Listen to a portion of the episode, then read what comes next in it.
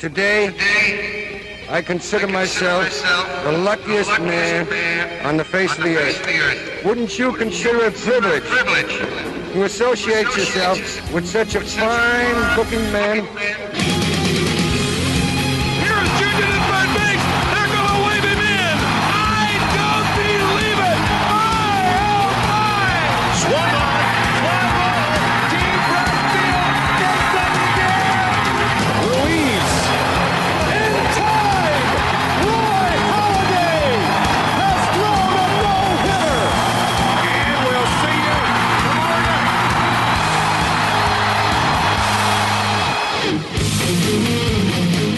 Ja, hallo en welkom bij een gloednieuwe aflevering van de Just a Bit Outside podcast. De enige echte MLB-podcast van Sport Amerika. En ja, we zijn terug van weg geweest. Het heeft even geduurd, maar eh, ja, ondergetekende was lekker twee weken op vakantie in, eh, in Montenegro. En eh, nou ja, de Montenegrijnse wifi die, die is niet echt sterk genoeg om, nou ja, laat staan, een honkbalwedstrijdje te streamen. En ook niet echt om een podcast aan deel te nemen. Dus het heeft even geduurd, maar we zijn er weer. En aan mijn zijde heb ik voor deze uitzending Mike van Dijk. Hey Justin. En ook iemand anders die ook op vakantie was, waardoor het ook allemaal weer wat langer duurde, Jasper Roos. Ja, ik eh, zat dan niet in Montenegro, maar toch ook wel een aardig eindje verder weg. Dat het allemaal inderdaad te moeilijk was om een, eh, een showtje in elkaar te draaien. Vorig jaar lukte het nog wel tijdens de vakantie. Toen kon ik nog inbellen. Maar nee, dit, eh, dit jaar even een breakje. Dus we zijn allemaal weer, denk ik, vol energie. En hebben weer zin in de laatste paar maanden van het seizoen. Nou ja, daarom. Hadden allemaal een beetje een soort, eh, soort eh, zomerstopje als het ware inderdaad. Hè? Om even bij te tanken en weer helemaal klaar te zijn. Want eh, hè, eigenlijk is dit een beetje de fase waarin het honkballen altijd een beetje wel wat aankabbelt. Maar nu begint dan juist weer die fase richting het einde. Om te strijden voor die plekken richting de playoffs. En dan zijn wij er dus ook gewoon weer eh, regelmatig bij. Heb jij Ja, zitten tanken tijdens de vakantie? Dat zeg je nu eigenlijk gewoon. Even stevig Ah, potjes dat, te valt- tanken. dat, dat vaart nog wel mee. Ik was ook Oh. vaak degene die, die, die eh, vaak ging rijden in Montenegro. Dus ik hield Oh. bij eh, lokaal water en, eh en ijs. De Montenegrijnse vodka heb jij niet Ja, nee, nee, nee. Mijn vriendin heeft misschien wel wat getankt, maar ik, ik heb alleen maar in de auto getankt. laat het zo maar zeggen. maar goed, eh, ja, we gaan dus een beetje een soort algemene uitzending van maken. We gaan straks eigenlijk een beetje de divisies langs. Wat is er in eigenlijk die, die kleine maanden we weg zijn geweest? Wat is er allemaal gebeurd? Er al wat dingen in bepaalde divisies gebeurd qua verschuivingen. Ploegen die zijn weggevallen. Ploegen die weer omhoog zijn gekropen. Eh, en zodoende gaan we ook een beetje bij alle teams kort behandelen. Hè. Is iets noemenswaardigs gebeurd of juist niet? En dan kunnen we meteen door. Allereerst nog ja, een soort van moment van de week dan. Dat is misschien wat lastig voor, eh, voor die lange tijd. Maar Jasper, laat ik dan bij jou beginnen. Aangezien jouw vakantie nog enigszins honkbal eh influenced was, zeg maar. Hoe was je vakantie? Ja, nou, mijn vakantie was, was eh, heel erg lekker. Ik ben 2,5 weken naar de VS geweest. Zoals meestal elke zomer er wel een tripje naar Amerika op het programma staat. En dan ga ik natuurlijk niet uitgebreid elke dag doornemen met jullie wat ik op mijn vakantie gedaan heb. Want dat is niet zo bijster interessant. Maar wat misschien wel leuk is om te vertellen voor de mensen die mij op Twitter volgen, die hebben het al gezien. Want af en toe dan kletter ik wel hier en daar een fotootje of zo op Twitter als ik eh, iets leuks meemaak. Maar ik liep, eh, nou, dat is mijn eerste week, de eerste dag van mijn vakantie. Ik geloof dat het eh, de dertiende was. Eh, ik was de twaalfde aangekomen. De dertiende was ik in Detroit. Want ik verblijf altijd bij Detroit in de buurt. En we waren naar een wedstrijdje, want het kwam mooi uit. White Sox Tigers. Nou, hartstikke goed. De vrouw die houdt van de Tigers. Ik hou van de White Sox. Ik had een maatje van me mee met zijn vriendin. Nou, die vond het ook wel leuk om te gaan. Dus wij met z'n vieren naar het Tigers Stadium. En eh, terwijl we daar rondlopen voor de wedstrijd, eh, een beetje over de concourse. En het een hartstikke mooi stadion. Tigers eh Comerica Park is echt een hartstikke mooi, eh, mooi stadion. Daar ga ik altijd heel graag heen voor een wedstrijdje. Dus we lekker hotdogje aan het eten. word jij niet over de Tigers. Ik ben er ook bang voor niet. Nee, maar dat is wel echt. Ik meen dat wel echt serieus. Ik, ik kom er wel vaak natuurlijk, dus dan, dan raak je wat vertrouwd met een stadion. Maar het is echt een heel mooi stadion, zowel van binnen als van buiten. En ik vind de stad Detroit ook nou helemaal een eh, fascinerende stad om te zijn. Dat geheel terzijde. Ik loop eh, met eh, mijn maatje te praten over de, de concourse. En het eigenlijk zo tussen thuis en drie. Dus op de, op de tweede ring, zeg maar, loop ik een beetje richting onze plekken. We hadden best goede plaatsen ook weer toen. Dus nou ja, we lopen een beetje rond, een beetje nog. En ineens loop ik maar gewoon bij, bij mijn vriend weg. Dus ik zei, nou oké. Die zegt, wat gaat hij nou doen? Want ik zag ineens op een meter afstand naast mij uh, White Sox general manager Rick Hahn lopen. En daar moest ik nog even een, een gesprekje mee houden. Dus ik heb eventjes... Uh, ik, sprong, ik sprong echt voor, voor Rick Hahn. En ik zei tegen hem... You're Rick Hahn. Alsof hij dat zelf niet weet, weet je wel. Dat, dat eventjes... nou, hij zei inderdaad, ja, dat klopt inderdaad. Dat ben ik inderdaad. En wie ben jij? Dus uh, ik heb hem even de hand geschud. Ik heb even met nou, een minuutje of vijf of zo met hem staan praten. Even verteld waar ik vandaan kwam. Eh, groot White Sox fan, zoals ook eh, de luisteraars wel weten, enzovoort, enzovoort. Even over de rebuild staan praten. Over het, eh, het wel of niet oproepen van Michael Kopech en Eloy Jimenez. Dit is nog voordat Kopech eh, opgeroepen werd. Dus ik heb eventjes een solide vijf minuten met, eh, met de White Sox GM eh, staan praten in Tigers, eh, Tigers Stadion in, uh, in Comerica Park. En eh, dat is, ja, is natuurlijk voor, als je fan bent van een club, is dat fantastisch. Als je iemand eh, ja, die toch wel redelijk eh, beroemd, beroemde status heeft opgebouwd binnen het honkbal. En zeker binnen, binnen de Chicago en de club eh, White Sox. Dat je hem in het wild tegenkomt, is wel heel vet. Gaaf. Dus ik heb even geposeerd eh, voor een fotootje met hem samen. En, eh, nou ja, Uiteraard. Heel, heel, heel aardig. Ik, ik, ik twijfel toch een beetje, Justin, of het niet zo is gegaan dat hij dacht van... Hé, hey, die stem die ken ik ergens van. Aren't you the guy that did the Jake Burger interview? Andersom, get Ja. a picture with you? Nou, eh, ik kan je vertellen, ik baalde er achteraf verschrikkelijk van dat ik vergeten ben om daar een opmerking over te maken. Want dan, wie, wie- weet hadden we Rick Haan in de podcast kunnen hebben. Dat zou natuurlijk helemaal fantastisch zijn Ja. geweest. Maar ik was een beetje starstruck. Dus ik wilde alleen maar eventjes met hem praten over de White Sox en over de rebuild. En eh, ja, hij kreeg natuurlijk behoorlijk veel shit over zich heen. Over het feit dat hij en Kopek en eh, Eloy Jimenez maar niet opriep. Dus ik wilde toch even zeggen dat ik, eh, dat ik hem steunde. En dat ik eh, de rebuild goed vond gaan. En dat ik met veel vertrouwen naar de toekomst kijk. Dus, dus dat was, was een geinig momentje eventjes met, met hem. Ik heb ook nog een week of twee later heb ik Jason Benetti nog rond zien lopen in datzelfde stadion. Toen was ik er weer, weer voor White Sox Tigers. Die speelden toevallig heel vaak tegen elkaar.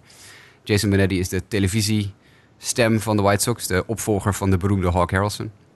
Maar die kon ik niet meer achterhalen, want die schoot al een, een deurtje in voordat ik eh, bij hem was. Eh, misschien was hij gewaarschuwd door Rick Haan. Van kijk uit als je die lange mafkees ziet rondlopen. We hebben die Nederlandse gek weer. Ja, precies. Ja, dus dat weet je niet. Eh, en, eh, en verder, ja, goed. eh, je- jeetje, er was zoveel moois is er op honkbalgebied gebeurd voor mij deze vakantie. Ik, heb, eh, de, ik was bij de, de number retirement ceremonie van Alan Trammell. De Tigers hebben Alan Trammell zijn nummer eh, op de muur geplakt. En dat mag dus nooit iemand meer dragen. Nou, bij die, die ceremonie had je Kirk Gibson heeft eh gespeecht in het stadion waar wij waren. En eh, Lou Whitaker, fantastische honkballer. Ook een schande dat hij niet in de Hall of Fame is. eh, die heeft gespeecht. En ja, er was een, een LK-line, legendarische Hall of Famer ook, was, was aanwezig. Die heb ik ook nog gezien trouwens, maar ik realiseerde me pas heel laat dat het LK-line was. Dat is eh, eh, een beetje een rare situatie natuurlijk als honkbalkenner. Maar ja, goed, dus die heb ik allemaal gezien. Eh, en voor de rest, jeetje, honkbal is geweest. Nou ja, Michael Kopech, zijn tweede start was ik bij tegen de Tigers, waar hij fantastisch gooide. Dat, eh, toen heb ik ook even een kaartje gekocht, ik ook even gaan kijken. Dus ik heb Kopech zien gooien. Eh, ik, ik ben een dag naar Chicago geweest en toen zijn we in de zesde inning, hadden we zin om naar de Cubs te gaan. Want we wisten dat de Cubs speelden. We zaten in een bar buiten de Wrigley Field. En ja, we hadden geen zin om hele dure kaartjes te kopen natuurlijk. En die kaartjes zijn acht, achterlijk duur bij de, bij de Cubs. Dus we zijn even een biertje gaan drinken bij de kroeg er tegenover. En zo in de vijfde, zesde inning zagen we nog allemaal van die scalpers over straat lopen met, eh, met handen vol kaartjes. En toen, is, toen is mijn vrouw naar buiten gelopen. Die heeft gezegd, eh, ik geef eh 15 dollar, niet meer dan 15 dollar per kaartje. Nou, zegt die man, hoeveel moet je er hebben? Ze zegt, eh vijf. Nou, die kerels eh, die belt een maatje van hem die op een straathoek verderop stond. Ze komen al bij elkaar net zo lang puzzelen tot ze vijf, eh, vijf plekken bij elkaar hadden... die een beetje bij elkaar in hetzelfde vak zaten. Nou, voor 15 dollar per stuk mochten we in de zesde inning eh, alsnog naar binnen. Die kaart die kostte normaal gesproken 46 dollar, zagen we op het kaartje staan per stuk. Zo. Dus eh, daar hebben we ook nog wel een dealtje aan gehad. En dat was nog een leuke wedstrijd ook van de Cubs tegen de Cincinnati Reds... die in extra innings ging, eh, waar uiteindelijk... eh, Toch negen Dan- innings gezien. ja, uiteindelijk toch flink wat, wat extra innings gezien. En, en Daniel Murphy heeft een home run geslagen voor de Cubs. En David Bote, die sloeg eh, wederom een walk-off home run. Dus dat was ook voor de Cubs-fans onder ons wel erg, eh, wel erg vermakelijk. Dus ja, honkbal gezien. Ik praat al heel lang over mijn vakantie, maar ik vond dit wel... eh, voor mensen die ook een, een, een honkbalhart hebben zoals ik.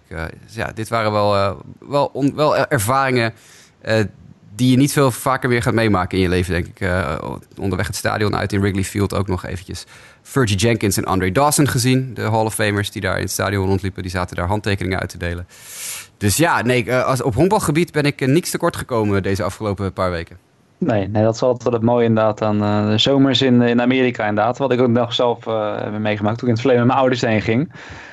Toevallig met de vriendin eh, afgelopen vakantie het over gehad. eh, omdat zij misschien volgend jaar naar Amerika wil. Ze heeft een keer een half jaar gestudeerd. gastgezin en zo ergens in de buurt van Ohio. Dus nou ja. Kan ze ook niks aan doen. Nee, dat is dan weer kan ze ook niks aan doen. Ergens in Wa- Waynesville, Ohio. Echt het grootste gehucht van eh, heel de streek geloof ik. Ergens bij Cincinnati in de buurt. Hm. Maar toen zei ik ook al van, nou, ik vind het prima in de zomer als we dan maar een beetje langs, eh, langs wat eh, honkbalstadions komen. Dan, dan heb je aan mij een te- tevreden vriendje. Dan hoor je mij niet zeiken. Ja, Dus precies. dat, ja, nee, maar het, is, het zijn nou tof dat soort dingen. Gewoon sowieso van dat we een wedstrijd bezoeken. Maar dat je natuurlijk dan, dan dat soort dingen beleeft als die jij hebt meegemaakt. Dat is natuurlijk nog een leuke bonus. Nou, dit is wel extreem hoor. De jam ga- inderdaad tegen het lijf lopen en dat soort dingen. Dat zijn wel echt hele gave dingen natuurlijk. Ik ga al heel veel jaren en ik heb nog nooit in één vakantie zoveel legendarische honkballers of beroemde andere beroemdheden gezien. Ik heb nog even gepraat met Matt Davidson. Ik was heel vroeg op het veld, eh, bij het veld, de tweede wedstrijd. En ik stond even bij de dugout in de buurt. En Matt Davidson die liep wat eh, aan te klooien in het veld. Dus ik riep voor de gein iets naar hem. En toen kwam hij even langs, kon hij even een babbeltje maken, weet je wel. Dus nou ja, dat soort dingen die maak je niet, eh, niet elke dag mee. Dus dat eh, ja, was, was erg leuk, was erg vermakelijk. Ik, eh, volgens mij gaan we het zo meteen ook nog even in een mailback-vraag hebben over honkbalstadions. Maar ik eh, raad iedereen van harte aan om een keer een wedstrijdje te pakken bij de Tigers op Comerica Park. Want dat is een erg mooi stadion. Ja. Nou ja, wat mij betreft eigenlijk over mijn vakantie. dat, dat was dan een hele andere soort vakantie. Ik was naar Montenegro. Hè. Er is niet echt veel honkbal te, te, te beleven. Het is daar vooral voetbal en basketbal. Toevallig zat mijn hotel naast een voetbalveldje. Alleen dat, ja, ik weet niet. Het, het was dan wel een voetbalstadion van een eredivisionist. Maar het had meer wat weg van, eh, nou ja... Laten we dat zeggen, van eh, het Almere City Stadion en dan door de helft, zeg maar. En dan heel erg verouderd en mediterraans. Nou ja, dan had je een beetje het stadion van de lokale eredivisionist. Eh, maar verder, laat ik zo zeggen, als mensen in Europa een mooie vakantieland nog opzoeken, Montenegro zeker een tip. Ehm, moet je wel een beetje er tegen kunnen dat er heel veel mensen Servisch om je heen praten en Russisch. Persoonlijk had ik er geen last van. Maar mocht jij... Ja, Russisch is namelijk erg goed. Dus dat is... Ja, daarom. Dus dan kan je makkelijk ermee communiceren. Dan eh, scheelt het ook weg. Nee, maar verder echt prachtig land. Voor mensen die ook van een beetje natuur houden, maar tegelijkertijd zonder een zee. Ga er, ga er zeker in. Maar goed, echt veel honkbalgerelateerde dingen heb ik daar dus niet gedaan. Want zoals ik zei, de Montenegrijnse was niet echt toereikend genoeg om ook maar iets van honkbal te streamen. Al waren het clipjes van 15 seconden. Dus het is eh, bij headlines eh, lezen gebleven. En ja, toch een beetje de standen elke dag bekijken om te zien wat er gebeurde. En eh, nou ja, verder prima vermaakt en eh, weer bijgetankt, zoals ik net zei. Dit bericht is eh, mede mogelijk gemaakt door de VVV uit Montenegro. Precies, visitmontenegro.com. Ja. Die ga ik dit zeker even toesturen. Eh nee, dan verder, Mike. Ja, ik, ik zit er te denken, ik weet het eigenlijk niet. Maar jij was geloof ik gewoon in Nederland eh, gebleven de afgelopen tijd. Eh, Ik- heb jij ik dan nog... ik, ja, ik heb, ik heb vooral mijn fantasy draft van eh, voetbal voorbereid. Kijk, kijk. En verder nog bijzondere dingen, heeft de honkbal gerelateerd, die je hebt gezien, hebt gedaan, opgevallen? Nee, ja, er is een hoop gebeurd de afgelopen weken. Dus wat dat betreft eh, stappen we zo meteen denk ik in, eh, in een korte achtbaan om de laatste weken een beetje door te nemen. Of in ieder geval te kijken waar we nu staan. En ja, dan is het verder als, als Diamondbacks fan genieten van de resurgence of Clay Buchholz. Wat je Jij, echt- bent, jij bent ons anker vandaag, hè Mike? Dat realiseer je Ja, wel. jij bent de die enige die, echt heel veel eh, ja. heeft. Ik heb, ik heb niks gezien, heb ik net toegegeven. Nou, Jasper die zat vooral met de White Sox Jam te babbelen de- tijdens een eh, verblijf in Amerika. Dus ja, jij hebt alles kunnen zien. Nick, Nick, Nick is out today. Nick is out today. Die komt de volgende week is hier als het goed is weer bij. Ja, Nick had wifi-problemen, geloof ik. Dus Ja, die is, eh, ja. die is zijn internetkabel in het vakantiepark nog aan het... eh Ja, aan we missen je, Nick. ja, Yes. Inderdaad, je snel terug. Maar goed, inderdaad, eh, nou, la- laten we zeggen, je hebt het net over Clay Buckles. En eh, je mag erover verder praten, maar laten we als meteen een bruggetje maken. Want we gaan dus alle divisies een beetje af. En laten we dan gewoon onderaan beginnen. Normaal begin je bij de ALE's. Laten we lekker bij de NL West dan beginnen. Eh, want nou ja, je hebt Diamondbacks staan erin. Dus eerst, en dat komt dus mede. En dan mag je verder gaan door Clay. Hè? Ja, gek genoeg. Tenminste, ik had toen ze hem een minor league contract, via minor league contract binnen hadden gehaald, ergens in, volgens mij was het april. Dan denk je, nou ja, Clay Buchholz, two cents, laat ik gewoon een flyer eens kijken wat het gaat worden. Maar eh, deze man die is, eh, sinds hij eigenlijk eh, weer op is geroepen naar het hoogste niveau, is hij heel erg, of is hij goed bezig aan een... aan zijn seizoen. Hij is op dit moment een 7 2 record, 2.07 ERA in 14 starts en een 1.02 WIP.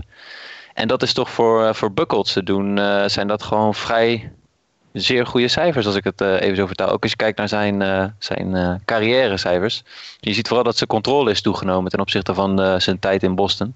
Dus eh, ik ben benieuwd ook waar hij na dit seizoen eigenlijk gaat belanden. Maar Ja. Buckles is natuurlijk een afkomstige speler uit Nederland, Texas. Ja.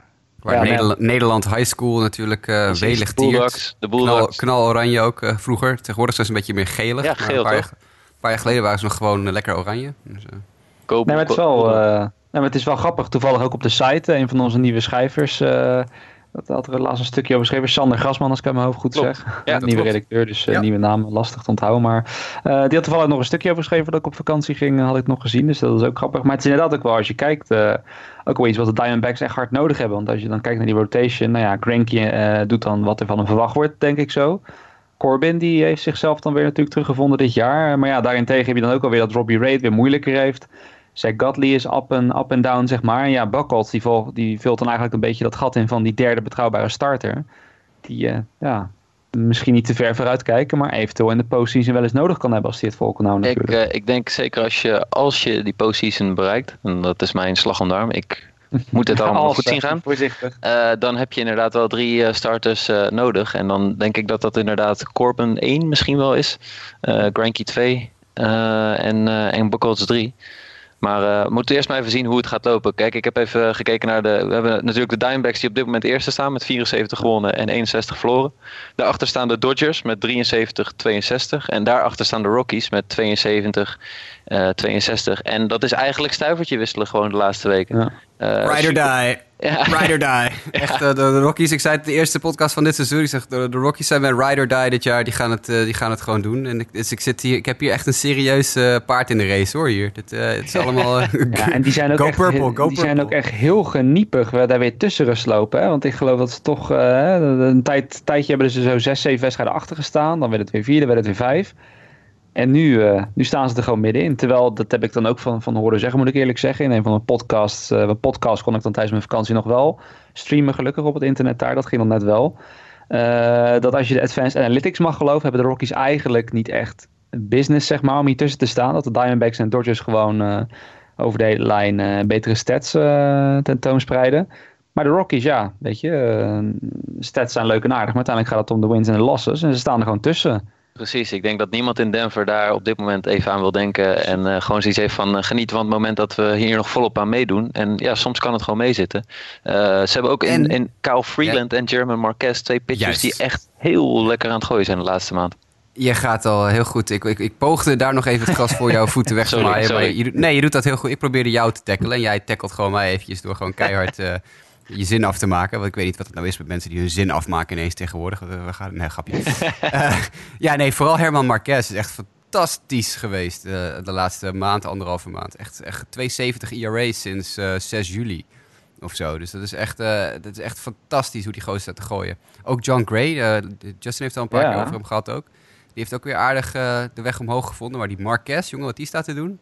Nou echt, ik, ik ben in een legendarische comeback eh, in mijn fantasy, eh, een van mijn fantasy leagues bezig. En dat is allemaal te danken aan eh, meneer Marquez. Dus Ja, en offensief wil ik dan ook nog even noemen Trevor Story, die gewoon echt een heel goed seizoen heeft. Dus dat is dan ook wel weer grappig om te zien, vind ik. ja, nou dat is waar ik een beetje op bankte ook. Hè, aan het begin van het jaar toen ik zei de Rockies gaan dit echt wel doen. En toen zeiden jullie, een van jullie twee zei terecht. Ja, de pitching is gewoon altijd een moeilijke kwestie daar. En dat is het ook gebleken aan het eerste stuk van het seizoen. Maar ik, had echt, ik gooide alles op het feit dat die story... die moest gewoon weer gewoon terugkomen. Die had vorig jaar natuurlijk een beetje een off-season. Ja. Na dat geweldige seizoen eh, een, jaar daarvoor. Dus ik gokte erop dat die terug zou komen. Met Arenado die gewoon goed zou presteren. Ik verwachtte iets meer nog van de, van de rookies die er waren. Maar eh, Charlie Blackman, hoewel die een klein beetje tegenvalt... ook wel een stabiele factor natuurlijk weer. Eh, ze hebben eindelijk David Dahl nu een vast plekje eh, min of meer weten te geven in dat outfield. Dus daar, ja, ik... En sinds vorige week met Holiday. Ja, daar, moet, daar kan ik nou weer helemaal niks, daar kan ik nou weer helemaal niks mee. Dat, Ja, doe je nou weer goed. Zit ik net op mijn Pro Rockies eh dat, fietsje? dat zag ik dan wel weer in zo'n headline had voorbij komen. dat hij toch wel weer een home run eruit sloeg. hè? Ja, Klopt. Ja. Hey, eh, een gebroken klok, wat is het? Een kapotte klok staat Ja, twee keer per dag ook gelijk. Dus Ja. eh, dat is, eh, Gaan we Nee. een paar horen. ja, ik denk het ook wel, ja. Nou, die, die, die Matt Holiday, daar word ik niet zo vrolijk van. Dat vind ik nou weer zo, niet zo'n hele handige move. Er zijn, eh, er zijn spelers die op een gegeven moment gewoon moeten denken... hey, het is genoeg geweest. Hij is er één van. Dat terzijde. Go Rockies. Yes. Maar het is wel in ieder geval, denken we, eh, ondanks dat we nu weer beginnen, denk ik ook wel de meest intrigerende divisie. Want je, we hebben het dan nu over de Diamondbacks en de Rockies. Maar eigenlijk, ik denk voor veel mensen in MLB die geen fan zijn van deze ploeg, is toch de grote boze wolf, zeg maar, in deze divisie, waarvan iedereen toch bang is. Of ja, ik weet niet of bang het goede woord is. Maar toch verwacht dat ze eigenlijk eerst worden, zijn de Dodgers. En toch hebben ze nog steeds niet eh, de divisie weten te grijpen. Terwijl, hè, vooral na die Manny Machado trade, was denk ik bij iedereen wel zoiets het gevoel van, nou hier gaan we weer. Hè? De, de Dodgers die gaan nu aan een roll eh, met Manny onder andere in hun gelederen en die gaan ermee weg. Maar het, het wil nog steeds niet echt lukken. Hè? Verbaast dat jullie? Ja, en nee. Eh, aan de ene kant verbaast het me, want je hebt natuurlijk veel talent in dat team. Aan de andere kant verbaast het me ook weer niet. Want als je ziet hoe ontzettend veel er gesleuteld is aan dat team dit jaar. Hoe ontzettend veel verloper is geweest. Spelers die of opgeroepen werden uit de minors voor één of twee wedstrijden en dan weer weggestuurd werden. Of spelers die gekocht werden. Spelers die verkocht werden. Het is natuurlijk heel moeilijk om een team te smeden van een collectie spelers die eigenlijk van, van de, per week niet weten met wie ze samenspelen. Dus ik, ik, ik, ja, ik, ik heb een beetje het idee dat, die, eh, dat de front office bij eh, LA een beetje te, te veel heeft willen doen. Een beetje, een beetje de, de Jerry DePardo van de, van de NL West. En het- alleen maar blijven, blijven moves maken, weet je. wel. Dat is, dat is niet zo belangrijk. Op een gegeven moment heb je gewoon meer aan een team dan aan een- het collectief beste spelers. Nou ja, weet je wat ik het, het grappige vind? Als ik kijk naar de individuele statistieken van, eh, van de Los Angeles Dodgers, dan zie ik eigenlijk alleen maar, redelijk, eh, alleen maar goede cijfers. En het gekke is gewoon dat het in de teamprestatie op dit moment er tot nu toe niet, nog niet is uitgekomen. Maar eh, zeker eh, eh, kijken naar de statistieken van de starting pitching. Zeker een Alex Wood en een, een Ross Stripling, die natuurlijk enige tijd best wel belangrijke bijdrage heeft geleverd. Maar nu ook Walker Bueller speelt nog, gooit nog steeds prima vanaf de heuvel. Weet je, ze hebben wel gewoon zat armen om, om zelfs in afwezigheid van grote namen prima replacement level spelers op de heuvel te zetten of in de line-up. Dus het is eigenlijk gewoon heel gek dat zij nog steeds tweede staan, of in ieder geval nog niet zijn weggelopen met die divisie. En ik heb jullie al voor de podcast gezegd, ik heb gekeken naar het programma van de Diamondbacks, van de Rockies en van de Dodgers. Ja, het, het, het moet echt gek lopen als de Dodgers deze divisie niet winnen. Die krijgen de Mets, de Reds, nou oké, de Cardinals dan ook nog. En dan twee keer een serie met eh, de Rockies en een serie met de Diamondbacks. Ja, weet je, dat valt ten opzichte van het programma wat de Diamondbacks hebben. Die hebben echt gewoon nog een paar eh, postseason eh playoff teams eh, waar ze tegen moeten spelen als de Braves. Ja, ik denk dat de Dodgers gewoon de komende maand het verschil gaan maken. En, Ja, en ze zijn fit volgens mij ook redelijk, dus dat helpt. Kenley wel slecht deze week hoor. Ja, dat is het ook. En het, het, inderdaad, Kenley is slecht, maar sowieso denk ik dat de bullpen dan ook wat het, denk het pijnpunt is van dit team. Als je Ja. kijkt naar wat voor, eh, sowieso, kijk, elke ploeg heeft rond deze tijd van het jaar al iets van eh 20 relievers erheen gejaagd, zeg maar. Maar bij de Dodgers, als je zo kijkt, is wel heel ernstig. Ik bedoel, eh, op, op Kenley na is de beste reliever dan ja, Scott Alexander, zie ik hier. Nou ja, Pedro Baez die dan al een tijdje loopt, maar dan ook weer niet echt lights out is of zo. Is gewoon degelijk, maar niet wel prima. En je ziet gewoon hoeveel jongens er uit die bullpen zijn gegaan. Ook met als gevolg omdat ze gewoon gigantisch hoge ERA's hadden en gewoon niet goed genoeg waren. Ik denk dat dat nog het, het, het grootste probleem is. Want ze, we hebben toen natuurlijk met de trade deadline show hè, gelachen dat ze toen alleen John Exford hadden gehaald. En de, de reden dat we toen zo lachten was ook van nou, deze bullpen heeft wel iets meer nodig dan die, dan die snor. Of ik weet niet of hij die snor nog steeds heeft van, eh, van John Exford. dus dat, dat is misschien het grootste pijnpunt. En de, de- ik denk, je kan daar denk ik nog wel de divisie mee winnen. Vraag is dan alleen wel, ik denk dat dat soort dingen uiteindelijk in de, in de postseason wel echt dwars gaan liggen. Want de Dodgers hadden natuurlijk juist in de voorgaande jaren best wel een stabiele, goede bullpen. Omdat het gewoon natuurlijk gigantisch belangrijk is.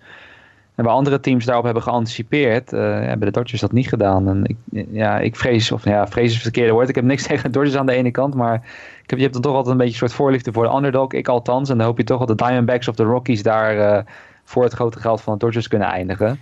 Eh, maar het zou mij niet verbazen als ze hem inderdaad gewoon pakken. Twee dingetjes over die bullpen. Dingetje 1. Hoeveel werpers denken jullie dat de Dodgers dit jaar gebruikt hebben? Minstens, Ja. minstens één pitch. Ik had hem hier eh, voor me, daarom zei ik het. Ik kan nu geen antwoord geven. Mag Mike antwoord geven? Ik denk Of- gerust een stuk of eh 45. Nou, zover zijn we nog niet. Maar als je Enrique Hernandez eraf haalt... want eh, dat is natuurlijk, eh, die staat wel op het pitcher dingetje... maar dat is natuurlijk geen pitcher... hebben ze 28 verschillende werpers gebruikt.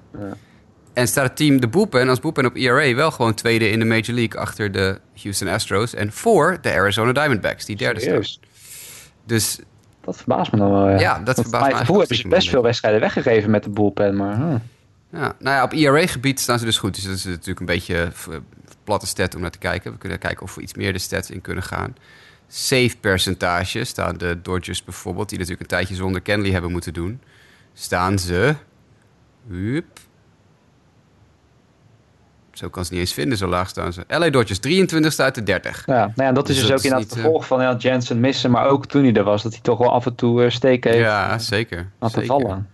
Dus dat, eh, dat, dat scheelt ook wel, ja. Nou, in ieder geval, ja, wat ik al zei, hele intrigerende divisie. Misschien nog twee dingen kort over de twee teams die dan uit de running lijken. Ja, de Giants, we zeggen wel uit de running, maar ja, staan nog maar 6,5 achter Diamondbacks. Ik neem ze niet meer echt serieus als potentiële winnaar. Maar goed, ze staan nog wel in een range dat ze er zomaar bij kunnen komen. Goed, hè, Buster Posey is natuurlijk groot nieuws. Die eh, naar de eh, ik wil Ja. zeggen designated list, disabled list natuurlijk, is, eh, is gegaan. En McCutcheon die ze dan nog voor Ja, de deadline hebben, hebben weggehaald. Dus het lijkt in ieder geval op dat het team zelf niet meer er echt, eh, er echt in gelooft. En verder Klein, klein, klein lichtpuntje nog bij de San Francisco. Giants. Ik zeik ze altijd enorm af en dat is terecht, want het is een puinhoop daar op dit moment.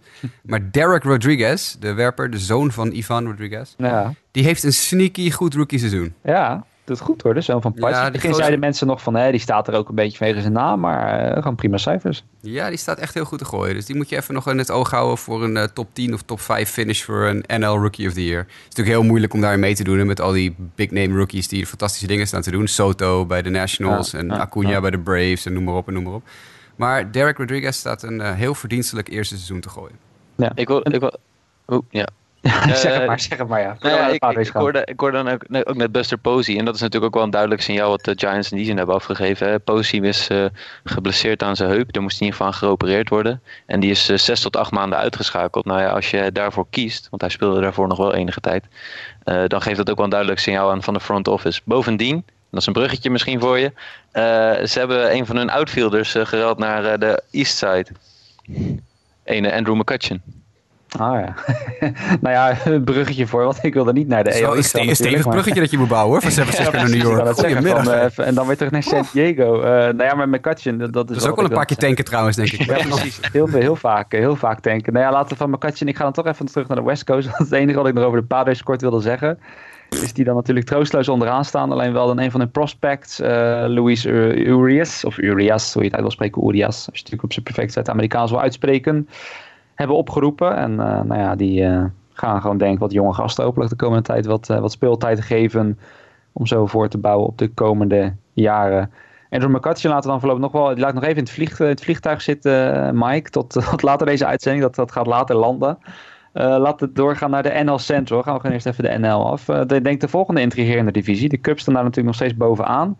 Uh, mede dankzij die David Bodie Walkoff, die Jasper natuurlijk heeft gezien. De Cardinals staan ondanks het ontslag van hun manager. Of ja, ondanks misschien juist vanwege dat ontslag. Ineens op 3,5 wedstrijd erachter. Dan de Brewers, vier games daarachter. Doen ook nog steeds volop mee. En de Pirates, die dachten volop mee te doen, Jasper. En ik weet dat jij je wat over wil zeggen. Maar die staan nu 13,5 wedstrijd achter de Cubs. De wildcard staan ze nu 9,5 games achter. En uh, ja, wat, wat wil je erover zeggen? Ik weet nog, dit is heel lang geleden. Dit is zeker een week of vijf geleden misschien wel... dat wij uh, in een podcast zaten te praten over de Chris Archer deal naar Pittsburgh. En dat we eigenlijk allemaal collectief zeiden van... wat is er in hemelsnaam mis met de Pittsburgh Pirates? Die snappen er dus echt helemaal niets van. Uh, we zijn een paar weken later en inderdaad... Nou ja, dit team, dat kon werkelijk waar iedereen zien. Luister, als wij kijken best veel honkbal met z'n allen. En we hebben, weten best af en toe wel waar we het over hebben. Maar als zelfs wij kunnen zien dat dit team helemaal nergens heen ging. En dat Chris Archer zeker het verschil niet ging maken. Dan, dan hadden ze dat in Pittsburgh natuurlijk ook gewoon moeten zien. Dus dit is eigenlijk gewoon natuurlijk grond voor de eigenaar. Die moeten nu gewoon die, die hele front office eruit sodemieteren daar in Pittsburgh. Want die zijn werkelijk waar helemaal knettergek geworden. Zeker als je ziet wat Austin Meadows staat te doen sinds hij naar de race verkocht is in de, bij AAA Durham. Die is, ja, dat, is nog, dat vergeet je nou, terwijl ze ervoor op hebben gegeven. Mensen, kinderen. Ja, dan noem ik alleen Meadows. Maar er zit ook nog die Tyler Glasnow mm -hmm. erbij. Dat was ook helemaal, uh, ook helemaal los. Dus uh, ja, ja, En nee, de derde echt. was ook nog een flinke prospect, toch? Ik ben even zijn naam kwijt. Uh, Bass? Uh, Shane Bass, ja, ja, ja. Shane, de pitcher. Ja, nou, die heb ik niet eens heel erg gevolgd de laatste paar weken. Maar Glasnow die staat super goed te gooien voor de race. Echt fantastisch. Ook uh, echt een, een, openbaring. Meadows die staat de, pannen van het dak te beuken in AAA. Uh, op, op, zeker op powergebied. Wat hij een beetje kwijt was natuurlijk vorig seizoen. Nou, dit is echt. Dit, is, dit, wordt, dit gaat de geschiedenisboeken in als een van de allerslechtste trades aller tijden. En dit is hoog tijd dat, uh, dat die hele front office in Pittsburgh uh, lekker eventjes uh, bootje gaat varen in die Pittsburgh River daar, de Allegheny River. Ja. Want dit is, uh, ja, dit, maar dit kon iedereen zien. Dit kon iedereen zien. Ja, is het wel. Ik heb het er, ja, wat, wat ik nog snel wilde, wilde toevoegen, ik heb het er vaak over gehad, dat ik toevallig zo'n boek heb, Big Data Baseball, ik geloof Kei uit ja. de MLB-redactie heeft het ook. En dat gaat dan over hoe de Pirates front office op inventieve manieren ervoor weet te zorgen dat ze toch eindelijk een keer de playoffs halen. Ik ben in ieder geval blij dat ik dat boek heb gelezen voordat deze trade werd, uh, werd gemaakt. Want anders dan had ik wel heel cynisch dat boek gelezen. Dat boek heb ik echt gelezen en dacht van nou, nou wauw. Uh, die Pirates waren toch best vooruitstrevend die, die paar jaar geleden. En, en, dan een paar jaar later blijkt er weinig meer van over. In ieder geval op gebied van spelers aantrekken en... En nee, kijk, ook. Iedereen, iedereen kan een keer een foute trade maken. Hè? Ik bedoel, ieder team, ieder team maakt wel eens een keer een foute trade. Maar er zijn trades waar je van tevoren gewoon weet... dit is, dit is niet oké. Okay. Dit, dit, dit, dit is... James, James Shields. Shelby Miller. ja, Shelby Miller. James Shields een paar jaar geleden. Die 11 earned runs tegen krijgt in twee Ja. innings. En twee dagen daarna voor Fernando Tatis verkocht wordt. Fernando Tatis die nu in de top 5 prospects in baseball staat. Je weet gewoon van tevoren, soms dan weet je dat er gaat een trade gebeuren. En je weet, dit gaat gewoon, dit is hem niet. Dit is hem niet. En dat was, dit was er ook zo een. Dit is, eh, Ja. die, die, die organisatie gaat nergens heen op deze manier. Echt nergens. Nee, en het is, eh, we hebben natuurlijk eerder al gezegd, het hoeft denk ik niet heel lang over door te gaan bij de Pirates, maar ook een beetje tegenstrijdig dat je eerst McCutcheon als gezicht van je franchise wegdoet, je doet Garrett Cole weg. En dan ineens hebben ze, wel, ik geloof dat dit ook een moment was dat ze geloof ik een, net een winning streak van 7, 8 games hadden gehad. Dat zo'n Ja, stonden office- tweede of zo in de ja, divisie. weet precies. je wel. Maar dat, juist dan zou je moeten verwachten. Kijk, dat fans dan enthousiast worden van zo'n winning streak. En denken van, hé, hey, hey, dit, dit kan misschien het jaar worden. Want stel dat je dit in de playoffs, playoffs kan doen. Ja, maar dan moet je toch realistisch moet je dan zijn? juist inderdaad realistisch blijven en de rust bewaren. En zeggen van, oké, dit is leuk, maar laat er niet te ver gaan. Maar goed, wat de front office heeft gedaan, die gingen er ook in. Maar die dachten, hé, hey, eh, die, die winning streak... eh, We hebben hier echt wat. We hebben Magic in onze handen. Ja, en uiteindelijk eh, sta je nu op een 66 en 69 record. Wat toch iets Ze waren, ze waren waarschijnlijk beter af geweest nu als ze de laatste paar weken Hm. Austin Meadows in het outfield gezet hadden en Gregory Polanco op de bank gehouden hadden. Want die is he- echt helemaal de draad kwijt. Die begon heel goed aan het seizoen, die is helemaal de kluts kwijt. Meadows had het beter gedaan dan hij. Dan was je nu waarschijnlijk beter af geweest dan wanneer je met Archer zit. Ja, die Ja. heeft echt heel slecht gegooid tot nu in Pittsburgh. Ja, maar goed, verder eh, ik denk over de Cincinnati Reds hoeven niet heel veel te zeggen. Die staan dus laatste en eh, nee, ook vooral met jong talent aan het, eh, aan het voortbouwen op de komende jaren. Waarin het hopelijk weer wat beter gaat. Eh, dan hielden het leuk vol. Hielden het leuk vol tegen de Cubs toen ik zat te kijken. Dat, dat, Ja, maar ik het had is even nog een klein je beetje kijkt- hoop. Ja, Even a broken je- je clock is right twice Ja, ja, dat is heel goed, Mike. Ja, tuurlijk. Maar toch moet ik wel zeggen, dat moet niet vergeten dat de Reds natuurlijk ook echt dramatisch begonnen. Die hadden echt een historisch slecht begin natuurlijk. Ik denk als je dat van dat huidige record afhaalt, zeg maar, denk ik dat het nog best wel meevalt. Dat ze bijna een soort Pittsburgh Pirates-achtig pace zitten, zeg maar, qua wins en losses. En vooral aanvallend ook best wel eh, dat ze veel eh, weerstand bieden, zeg maar. Dus op zich, het is niet heel erg verkeerd. Als je die hele slechte start weghaalt, dan valt het wel mee. Maar goed, ook dat hoort uiteindelijk bij honkbal. Hè? Dus eh, ze staan uiteindelijk waar ze horen te staan, denk ik. Maar even die top 3 dan kort. De, de Cubs, het is misschien een beetje een situatie als de Dodgers in het westen. Iedereen verwachtte uiteindelijk wel dat ze de divisie gaan pakken. Lopen nu langzaam weg, maar dan worden dan toch weer een beetje teruggehaald door de rest. Eh, Mike, ik zal hem eerst aan jou geven. Hoe, hoe zie jij die race lopen? Met nu de Cubs is op 1, Cardinals op 2 en Brewers op 3. Nou, er zijn wel een aantal dingen gebeurd ook in de afgelopen tijd. Ik weet nog dat wij eh, de trade deadline hadden. En toen werd de ene Cole Hamels ook erbij gehaald, volgens mij. Daarvoor? Nee, dat is net daarna gebeurd, dacht ik. Eh, maar ja, ik zie de Cubs eigenlijk gewoon deze divisie winnen. Ik zie daar eigenlijk niet zo heel veel aan veranderen. Ze zijn gewoon in mijn beleving net wat beter dan de, de andere teams. En eh, ja, ik verwacht, ik, ik ben heel erg verrast door St. Louis. We hebben het rond die trade deadline gehad over eh, dat het niet boterde daar. En dat er eh, vooral binnenin in de clubhouse het nodige niet klopte. Toen hebben ze eigenlijk een hele schoonmaak gehouden. Hebben heel veel spelers weggedaan, de coach ook vervangen.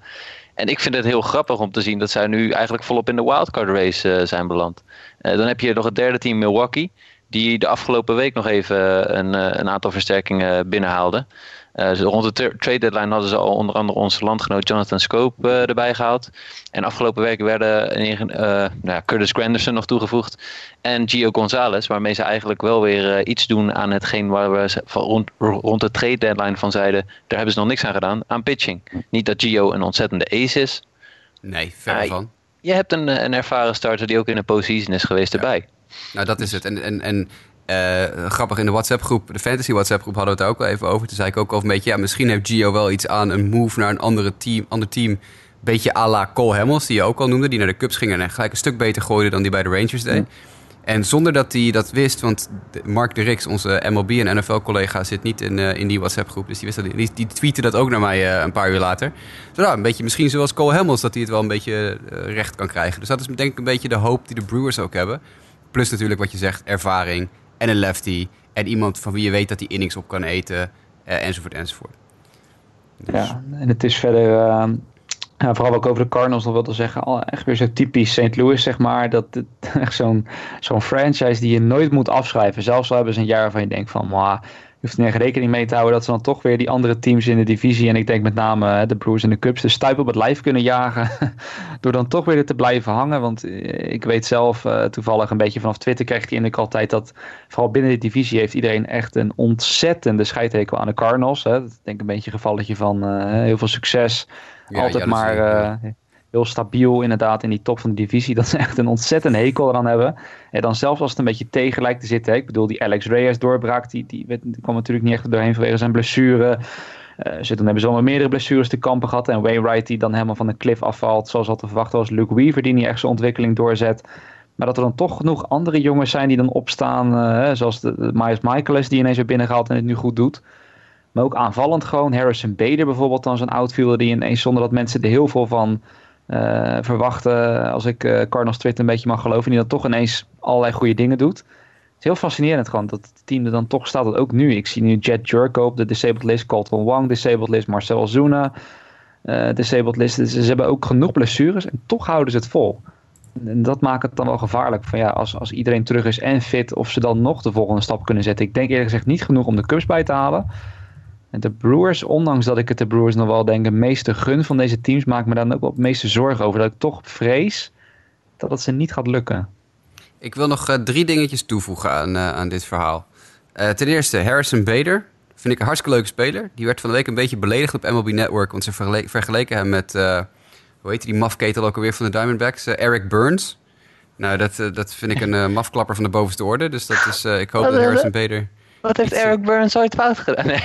Nou ja, nou, als honkballer misschien niet. Maar naast honkbalcarrière vind ik het een beetje een, eh een mafkees. Ik had Harrison Bader op nummer 5 in de, in de dit jaar prospect eh, top 10 van de Cardinals. Ik, ik ben wel heel gecharmeerd van hem hoor, al een tijdje. Ik vind het echt een, eh, echt een goede speler. Echt een leuke, leuke veelzijdige outfielder. Ja. Nee, dat is Eh, het dat- vooral inderdaad. Dat hij wel veelzijdig was, maar dat een beetje de nak aan hem was van hij niets echt uitzonderlijk goed. Dus hè, is, wat, eh, ja, wat voegt hij dan meer toe dan misschien een speler die af en toe erin zet, zeg maar. Dat was geloof ik meer een beetje Nou, de kritiek.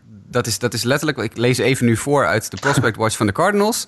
Eh wordt eh, Bader werd even vergeleken met Tyler O'Neill. Eh Bader is op papier een heel ander type, maar de midvelder deed zijn beste O'Neill-impressie in 2017 met 20 home runs, 18 doubles, 15 steals en 2,83 slaggemiddelde in AAA. Veel vrije lopen krijgt hij niet, maar Bader, en daar komt hij Justin, is een speler die over de hele linie weinig fout doet. Kijk, Precies wat, je, ze- precies wat je zegt. Niet een speler die dingen uitzonderlijk goed doet, maar ook niet een speler die heel veel dingen fout doet. Oftewel, hij is heel stabiel. Hij had natuurlijk al 85 at-bats in 2017 Mhm. en is eh, duidelijk klaar voor een grotere rol. Dat was dingetje 1 dat ik wilde toevoegen aan dit verhaal. Dingetje 2, even terug naar de Brewers nog. Ze maakten nog een derde deal. Ze hadden en Granderson en Gio, maar ze hadden ook nog eventjes Xavier Cedeno, de linkshandige reliever van de White Sox, die daarmee weer weer een trade maakte met, de, met eh, de Brewers. Dat is geloof ik de achtste trade in anderhalf jaar tijd. Of de achtste ex-White Sox-speler die bij eh, de Brewers terechtkomt. En als je Gio Gonzalez meeneemt, die natuurlijk opgeleid is door de White Sox, eh, meeneemt. Als je die ook nog meeneemt, is het negen ex-White Sox-spelers die nu bij de Brewers spelen. Met natuurlijk de eerder genoemde Tyler Saladino, eh, Matt Albers, Dan Jennings, Anthony Swarzak die daar gezeten heeft. Nou, noem maar op. Het rijtje duurt, is eindeloos. Ehm, dus ook Zedeno is weer een... eh, oh, en eh, Soria natuurlijk ook, die eerder al dit jaar naar de Brewers wordt verkocht. En dan wil ik nog even iets zeggen, dat is speciaal voor Lionel als je zit te luisteren. Want Lionel heeft het vorig jaar tijdens de podcast een keer gehad over... eh, toen had het over internationaal honkbal. En toen had hij het over de enige Nigeriaanse speler in de minor league, Demi Orimoloye. En Demi Orimoloye zat in het pakketje dat de Brewers hebben opgestuurd naar de Blue Jays in ruil voor Curtis Granderson. Dus onze enige Nigeriaan en, en favoriet van, eh, van Lionel, Demi Orimoloye, speelt nu in Canada voor de Blue Jays. nou, ik hoop dat hij de kou een beetje, een beetje aan kan in de, in de winter. Maar Dat- goed, dat, ja, eh, Milwaukee is ook niet heel warm, dus dat scheelt weer. Dus dat- Ja, true. True. Nee, dat is inderdaad. eh, laten we deze opmerking maar vergeten. Die was even niet dan eh on point daar. Lange vakantie gehad, laten we het daar maar op houden. ja hoor, is goed. Maar goed, eh, laten we dan doorgaan naar de laatste divisie in de NL East. Ik denk dat we daar op zich wel iets korter over kunnen zijn. Want onderaan beginnen nou ja, de Marlins, ik denk ik niks over te zeggen. De Mets ook vaak. Oh, ho, time-out, time-out. Ik ga weer Oh, even top. inbreken. Ik wil één ding zeggen over de Marlins. Toch wel. Eh, ja, ja, ik gooi hem er gewoon even in. Ik had het met jullie ook al over net, maar ik wil het ook even aan de mensen thuis vertellen. Eh, de Marlins hebben een nieuw initiatief opgezet voor volgend jaar. Er komt namelijk een vak in het stadion waar fans een eh, toeter, trommel of vlag mee mogen nemen naar de wedstrijd. Dus dan krijgen we een beetje World Baseball Classic tafereelen, hopelijk. Natuurlijk een grote Latino-populatie in de buurt van Miami en in Miami. Eh, en we hebben allemaal gezien hoe de Puerto Ricaanse fans eh, tijdens de World Baseball Classic... of de Venezolaanse fans of de Costa Ricaanse fans... het honkbal beleven tijdens zo'n toernooi.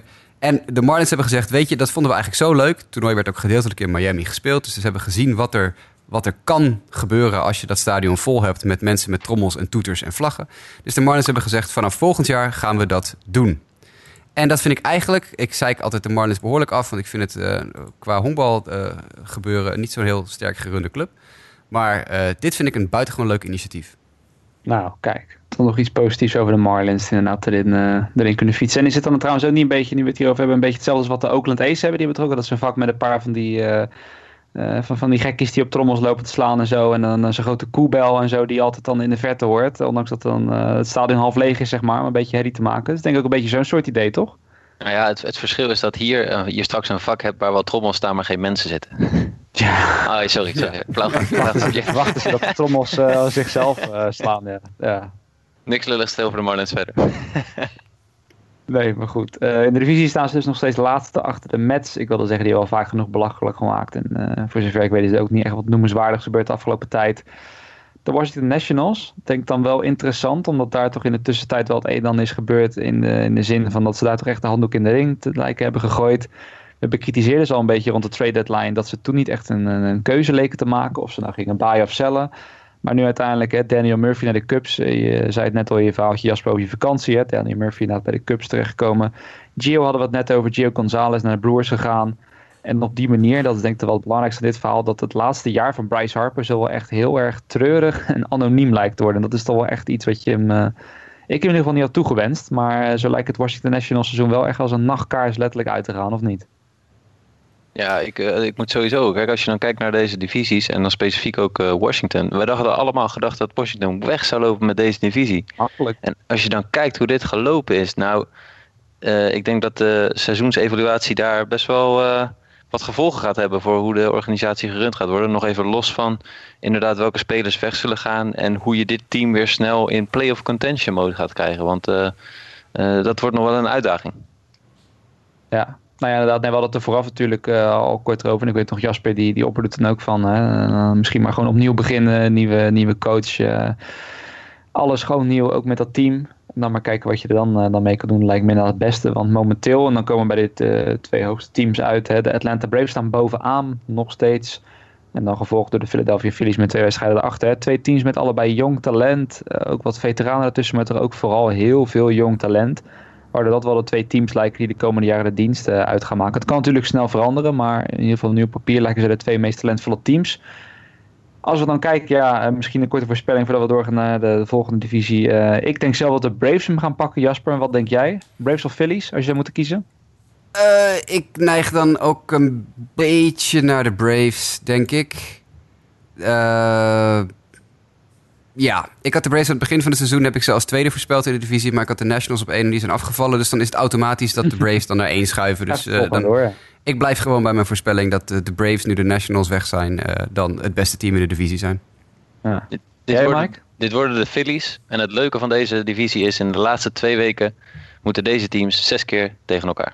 Ja, dus is het eigenlijk inderdaad vooral hopen dat het dan inderdaad nog eh, dicht bij elkaar zit. En, eh, Ja, nou ja, en de, de, kijk, de Braves die moeten nog tegen de Red Sox en de Diamondbacks en de Cardinals. En in diezelfde weken hebben de Phillies, de Marlins, eh, ook wel de Nationals nog, maar en de Mets bijvoorbeeld. Dus dan denk ik dat de Phillies net iets gunstiger programma hebben ten opzichte van de Braves. Ik denk dat ze dit nog, dit nog gaan doen.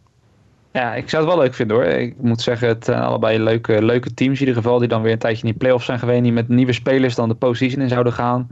Wat dat betreft is het ze allebei wel, eh, wel gegund. Maar eh, ja, interessant in ieder geval. Want dat, eh, de wildcard gaan we niet los over hebben. Maar dat is natuurlijk ook het leuke aan die National League. We hebben natuurlijk nu een beetje per divisie over mogelijke winnaars. Maar ja, er zijn natuurlijk altijd nog twee wildcards. Maar dat is natuurlijk dus het gekke hier aan. Dat momenteel zouden even kijken hebben dan de Cardinals, als ik het goed heb, dan de eerste wildcard, als ik het goed zie. Ja, de Cardinals hebben de eerste wildcard. En Eh, Milwaukee. daar staan de, ja, precies. En Milwaukee staat daar dan eh, virtueel gelijk mee. Alleen die hebben één nederlaag, maar hebben wel even overwinningen. Eh, maar ja, daar staan de Dodgers staan daar vlak achter de Phillies, de Rockies. Dus eigenlijk zijn het dan vijf teams die dan nog voor twee wildcards over zouden blijven in dit tempo. Dat is wel bizar. Ik bedoel, in het meest gekke geval kan je gewoon een, hè, een four-way tie krijgen of zo. Benieuwd hoe MLB dat zou oplossen. Het zal wel loslopen. Uiteindelijk zal er weer ergens een team afhaken. En nog een team. En dat je uiteindelijk eh, drie overhoudt die dan misschien de laatste week ervoor strijden. Maar het is in ieder geval eh, heel leuk in de National League. En qua spanning eh, nou ja, hebben we niet te klagen wat dat betreft. Dan gaan we naar de EL. Dan beginnen we ook in het westen. En dat is denk ik ook meteen de leukste divisie daar. Als we kijken naar ontwikkelingen. Want ik denk, eh, begin van het jaar hadden we het vooral over hè, de Astros sowieso. Hè, die zou de divisie gaan winnen. Maar de Angels begonnen goed. Nou, hè, de Angels die, die konden dat misschien wel eens vol gaan houden. Hè, wel met Otani erbij, bla bla bla. Nou, dat ging niet helemaal door. Totdat over de Mariners die er ineens tussen kwamen. Nou, hartstikke leuk natuurlijk. Toch een beetje onverwachts. Maar die kwamen ertussen. En die, die kwamen zelfs in de buurt van de Astros. En nu hebben we ineens een tijdje niet gepot. En de Oakland A's hingen er al omheen. Maar sowieso, terwijl wij er niet waren, eh, hebben ze zelfs geloof ik op een bepaald moment de divisieleiding in de handen gehad. En nu staan ze er maar anderhalve game achter Jasper. Het is, het is fascinerend toch? Dat Oakland daar gewoon tussen staat. En misschien zelfs de divisie kan winnen. Er zijn weinig teams zo heet geweest als de Oakland Athletics de laatste paar weken. Dat is echt bewonderenswaardig. Ik was heel erg sceptisch over de A's aan het begin van het jaar. Ik zag het helemaal niet zitten. En ze hebben natuurlijk wel een aantal, flink aantal tweaks gemaakt sinds we het daarover hadden natuurlijk over deze teams. Maar ik vind het fascinerend waar die mee bezig zijn op dit moment. Dat is echt... eh, ja, ik heb zelden een team zo heet gezien. En ik denk dat de vorige keer dat ik een team zo heet zag als nu de Oakland A's, waren de Oakland A's in, wat was het, 2003, 2004?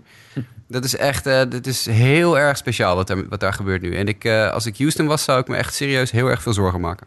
Ja, want dat is ook het ding. Ik weet nog wel, eh, dat was nog vlak voor mijn vakantie geloof ik. Dat was nog een series tegen, de, tegen elkaar. Of het was misschien wel tijdens mijn vakantie, weet ik niet helemaal meer. Maar toen hebben ze het ook echt moeilijk gemaakt. Ik geloof dat die series ook of net werd gewonnen door de Astros of de A's. Dat was echt om en om. Maar eh, hebben ze toen wel ook echt moeilijk gemaakt. En het aparte vind ik dan, als je ook kijkt naar de team, bijvoorbeeld naar die rotation. Dat is echt gewoon... eh, het, is niet alsof het zeg maar, de jongens zijn momenteel eh, van wie ze hadden verwacht. Want ik weet Daniel Mengden, die was in het begin een belangrijk onderdeel. Die is een beetje weggevallen, zit nou in de bullpen zelfs. Eh Jarrell Cotton die is al een tijdje uit die, uit, die, uit die rotation verdwenen. Andrew Trix die is al een tijdje eruit inmiddels met een blessure. Sean Manaya, dat is dan wel sinds kort. Die is nu ook met een blessure eruit gevallen. Dat, dat gaat dan misschien wel een probleempje worden. Ehm maar ja, dan verder als je kijkt, momenteel zou de rotation zoals die er nu staat, zou er moeten zijn Trevor Cale, die het overigens wel heel goed doet. Edwin Jackson, die had dat gedacht, hè? dat is misschien trouwens wel het meest verrassende. Die staat gewoon op zijn 34ste gewoon eh, nou ja, gemiddeld meer wedstrijden te winnen dan te verliezen bij de Oakland A's. Daniel Mengden zou er dan weer terug in zijn. Brad Anderson is nou ja, eh, vaak geblesseerd, soms dan weer niet. Maar die komt er dan af en toe bij. Frankie Montas komt er af en toe bij. Mike Fires hebben ze natuurlijk gehaald. Maar het is niet een rotation dat je achterover valt en zegt van wow, dit is echt, eh, dit, dit, dit gaat hem worden. En dat is nog het meest fascinerende vind ik aan. Ondanks dat ze best wel tegenslagen hebben gehad, houden ze het volgens nog maar vol. En dat is denk ik toch wel een teken dat dit team erg, eh, erg stug is. En, en ik haal ze vaak aan. Eh, Het Royals team dat een paar jaar terug de World Series won, was ook zo'n team dat ondanks dat dingen dan soms tegen zaten, wisten ze altijd weer terug te vechten in wedstrijden, wedstrijden te winnen. De Oakland A's zijn er overigens ook heel goed in, geloof ik. Ik zag een tijdje terug een stat van voorbij Mhm. komen. Winnen heel veel wedstrijden als ze of net achter staan of een kleine voorsprong hebben. Die weten heel goed eh, de overwinning dan binnen te slepen dankzij een bullpen. Dus dat is dan wel weer iets wat heel erg klopt daar. Maar het is, het is fascinerend en het is denk ik meer dan, eh, meer dan gegund dat ze eh, toch de Astros die zich inmiddels een beetje hebben opgewerkt tot een, nou ja, we weten het van de Yankees en Red Sox, hè, niet de meest geliefde teams, want veel, veel talent vaak, winnen veel. En de Astros, ik denk ook onder andere natuurlijk met het aantrekken van Asuna de laatste tijd, hebben zich er ook een beetje ontwikkeld tot eh, de, de grote boze wolf van deze kant eh, van de competitie, zeg maar. Waarbij veel fans van andere teams denk ik niet erg vinden als die Oakland A's er nog aftroeven ook. Nee, zou ik ook niet erg vinden. Eh, want een van die dingen waarom de Astros natuurlijk niet zo populair meer zijn... is dat gedoe rond Roberto Osuna. En die heeft laatst een heel artikel geschreven ergens. En ik heb het nog niet gelezen, maar hij schijnt ook weer helemaal... nee, het is allemaal niet mijn schuld. En dat daar krijg ik ook een beetje jeuk van. Ik van, gooi er dan even een Het is onze schuld, wij maken het Ja, weet je, erg. precies. Gooi er dan eventjes een persfiguur tussen die zegt... doe, doe, doe dat nou niet, weet je wel. Hou gewoon even je mond. Even, gewoon even niet op de voorgrond nu. Je moet gewoon even nu alleen maar even honkballen en verder niks doen. Daar snap ik er niet zoveel van. Maar goed, dus we, de Astros hebben al laten zien de laatste paar weken... dat ze op persgebied af en toe wel een beetje toondoof zijn, om het zo maar even te zeggen. Ja. Verder dan, eh, als we dan kijken, de Seattle Mariners, die ik had het net over, zijn 75 en 60. Maar in dit tempo eh, gaat er aan die playoff drought geen einde komen. Ondanks dat ze dus maar twee wedstrijden minder winnen op dit moment dan de Cleveland Indians. Die hun divisie dus gewoon leiden eh, met eenvoud. Eh, zouden op deze manier de Mariners te buiten vallen. Want voor de wildcard moeten ze minimaal Oakland inhalen. En momenteel staan ze daar al vijf en een halve wedstrijd achter. Dus het In lijkt, de eh, wildcard, ja. ja. ja, ja, ja, dus het lijkt toch een heel lastig verhaal te worden. Dat is wel treurig, want we hadden het net van tevoren erover, Mike. Ik weet niet of je het nog steeds voor je hebt. het record waarmee de Minnesota Twins vorig jaar de wildcard haalden. Eh, Ja, het was volgens mij 85, 77. Zeg ik dat goed? Ja, 85, 77. nou ja, precies. Maar goed, met dit record zouden de Mariners dus on pace zijn om wat in te halen. En het zou dan niet genoeg zijn. Eh, overigens in de National League zou het ook net niet genoeg zijn. Dus het, is dan ook alweer een dingetje. Het zou in beide leagues momenteel net niet genoeg zijn. Maar het is wel zonde dat de Mariners zijn ze eindelijk eens een keer weer een soort van eh, goed. En doen ze echt weer mee om iets. Zouden ze het toch niet halen. Het, kan natuurlijk nog wel. Maar de kans wordt wel met de dag eh, kleiner. Voor de rest, de Texas Rangers staan natuurlijk nog steeds onderaan. Ehm, waar het me vooral ook heel erg opviel. Maar dan kom je door mijn eigen team. Dat ook jongens als Elvis Andrews echt gewoon het helemaal kwijt zijn momenteel. Het, het is echt, Die heb ik eh, gedropt van de week. ja, ik ook trouwens. Nou, we hebben het eh, bijna eh, synchroon gedaan dan. Ik was het ook Ja. echt. Ik heb hem zo vaak weer een kans gegeven en ik was er echt gewoon klaar mee. Ik dacht, Ja. maakt mij niet uit dat hij nog in 70% van de leagues geowned wordt. Ik, ik ben er gewoon klaar mee. Toeledoki, het beste maar weer. En zo zijn er wel meer dingen bij de Rangers waar het toch even niet lekker loopt. En dat verklaart hun laatste, laatste plek ook. En dat de LA Angels, waar denk ik het enige noemenswaardig is, dat Shohei Otani, als het goed is, eh, dit weekend nog, als ik het uit mijn hoofd goed zeg. Eh, ik weet niet of het dat dan vanavond is op het moment dat we dit opnemen of op zondag, dat hij weer gaat starten. En dat Supergoed is- idee, hè? Ja, Supergoed idee. Je staat ja, heel echt. erg. Hartstikke goed idee. Niks anders aan doen. Echt, jongens, je staat 16 wedstrijden achter de Houston Astros. 14 en een halve wedstrijd achter in de wildcard. Je hebt werkelijk waar niets meer om voor te spelen. Je moet nog vier weken pakken beet overbruggen voordat het seizoen voorbij is. Hartstikke goed idee. Die gozer met een ingescheurde UCL, lekker nog even een paar ballen laten gooien. Top idee. Echt, nee, dat is investeren in je toekomst hoor. Pannenkoeken. ik, ik, ik wil net zeggen, Ja, eh. Mike, misschien goed om hier een disclaimer bij te zetten dat eh, Jasper sarcastisch is. Mike, ben je, ben, je, ben, je ook zo, eh, ben je ook zo tevreden over deze move vanuit Angels perspectief? Ja. Ehm, ik, ik kan hem niet uitleggen. Ik kan het niet uitleggen. Het is ook vooral gezien de positie vaag, hè? Als je kijkt waar ze staan, ze doen, spelen Ja, nergens precies. Ja, eh, dus wa- waarom, waarom zou je dit, eh, wat Jasper eigenlijk terecht ook zegt, waarom, waarom zou je dit doen? Zeg maar, dat is nergens voor nodig. Geef die man gewoon rust, tijd, herstel en kijk naar volgend seizoen als je meer een keer wil gaan laten gooien. Maar eh, ja, nothing to play for here. Dus schiet nog een paar van die, van die plasmabommen in zijn elleboog. Eh, laat hem lekker stop, stuur, zet hem op de, op de DL nu, de laatste vier weken. Lekker klaar. Lekker gewoon eventjes eh, even uitrusten. Een paar extra weekjes rust pakken. Lekker, lekker kalm aan doen en vol goede moed weer met springtraining weer gaan beginnen. Nee hoor, le- lekker laten pitchen. Top idee. Hartstikke goed. Ik denk Eh, dat het ergens ook wel... kaartjes verkopen. Ja. Kaartjes verkopen. Ja. Het is ergens ook wel ironisch. Ik wil net zeggen, daarom staan de Angels ook eh, met dit soort dingen staan ze waar ze, waar ze staan. Misschien ergens ook wel ironisch dat ze ook precies hetzelfde record hebben als de Pirates. Wat dat betreft zijn ze misschien een beetje de American League evenknie qua management van de, van, de, van de Pirates. Het is in ieder geval hoogst, hoogstens eh, merkwaardig dat dit gebeurt. Dan de American League Central. Ehm, Kansas City Royals staan onderaan. Zijn trouwens nog niet, is misschien ook wel nog een leuk dingetje met de American League op te letten, nog niet het slechtste team. De Orioles die staan nog steeds voor in dat opzicht, want die staan 40-95. De Royals 43-91. Baltimore, echt? Oh mijn hemel. Nou, daar mocht ze meteen Ja. hebben. Ik, Ja, maar het is echt, eh, de Baltimore Orioles die gaan voorlopig nog aan de leiding, als je het, als je het zo wil zien, zeg maar. Hey, de, de, de, wat is het, de 2003 De- Detroit Tigers? Die Ja. zitten hier met echt op, op het puntje van hun stoel. Want de, Ja. de Orioles, de Orioles gaat ze, gaan ze pakken hoor, als je niet uitkijkt. Ja. Ja, en de, de Royals die kunnen ze natuurlijk ook nog pakken. hoor. Ik bedoel, die hebben ook van de week weer bijvoorbeeld Lucas Duda weggehaald. Een van de weinigen die er nog wat, eh, wat voor elkaar kreeg, geloof ik, op, op slaggebied. Eh, maar ja, het is in ieder geval Ah. een spannende race. En in de divisie staan ze dus dan ook maar liefst 34 wedstrijden achter de Cleveland Indians. De Tigers, die staan dan eh, vierde. En eh, de White Sox, Jasper, je had het natuurlijk net al erover. Je bent er een paar keer geweest, maar die staan zo stilletjes dan toch derde. Het is nu gedeeld derde nog, op het moment dat we dit opnemen. Ja, we zijn Maar, net, net de Tigers voorbij. Echt net sinds twee dagen of zo. Maar Dus momentum is on your side, hè?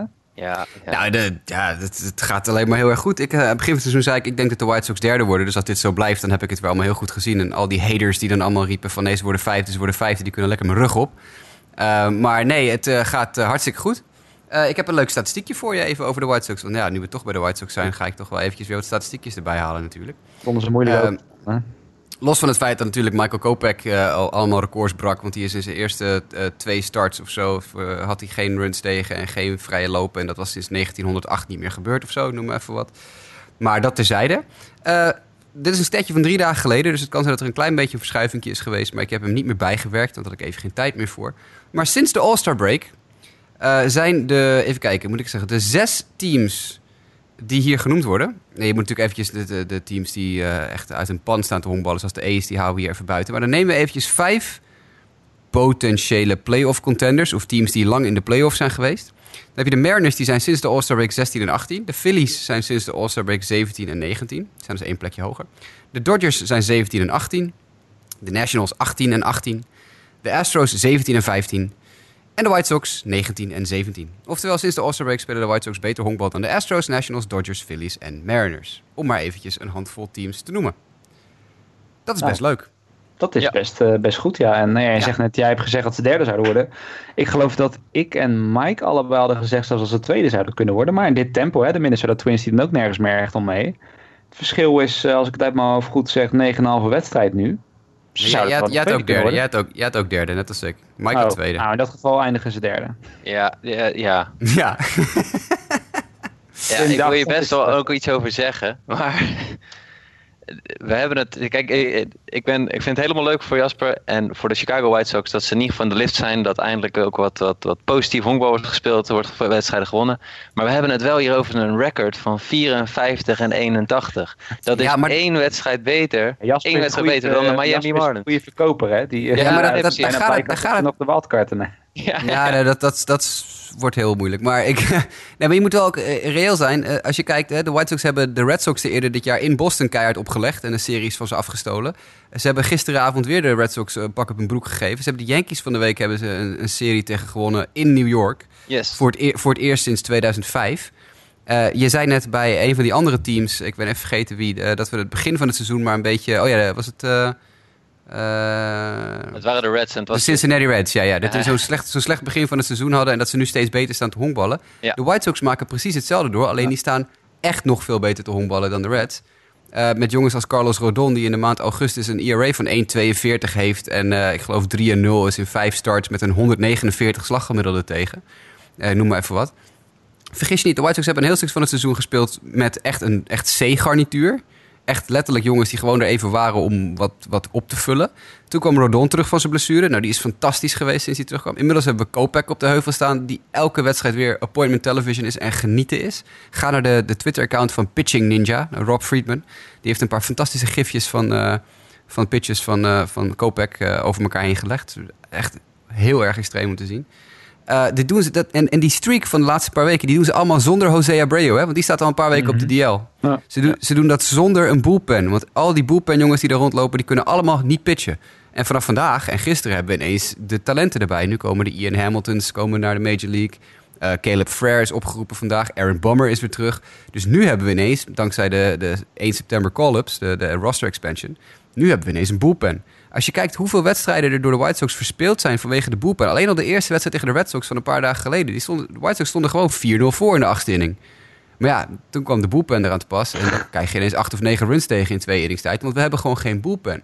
Die hebben we nu wel. Ja. Het feit dat we dit, deze stretch doorgekomen zijn. Beter dan de Astros, beter dan de Phillies, beter dan de Mariners, noem maar op. Eh, zonder Abreu en zonder de bullpen. Met een doorbraak van Daniel Palka, die nog stemmen gaat krijgen voor de AL Rookie of the Year. Met zijn 20 home runs eh, die hij, eh, geloof ik, bij elkaar gemapt heeft. Eh, dit is echt dit is een veel leuker team dan aan het begin van het seizoen. Begin van het seizoen heb ik echt regelmatig met, met echt tranen in mijn ogen zitten kijken van jongens, wat doe ik mezelf aan dat ik dit überhaupt aan heb staan.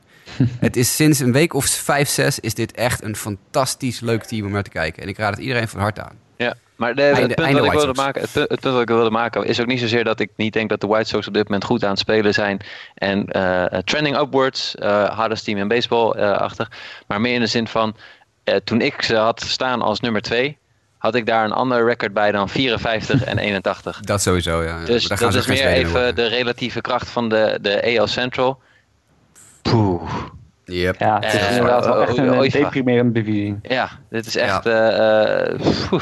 En en, Ja, en dat dat is een beetje beste. jammer, want ik bedoel, ik, ik, ik denk inderdaad dat de White Sox, hè, je hebt al vaker genoeg aangekondigd, the future is coming. Nou, ik denk dat we nu op het punt beginnen te komen dat we steeds meer daarvan eh, eh, Ja. zien. Ehm, maar goed, eh, als je gewoon kijkt naar het record, dat is in vergeleken met alle National League teams nog steeds teleurstellend. Ja, maar dat, dat, maar dat, is- dat is ook wel verwacht. Alleen het mooie is dat Precies. ze hebben nog een kans om gewoon ruimschoots Ja. over het voorspelde Ja. winaantal te gaan. Ik geloof dat het voorspelde winaantal, de officiële Vegas line was iets van 62 wins of zo.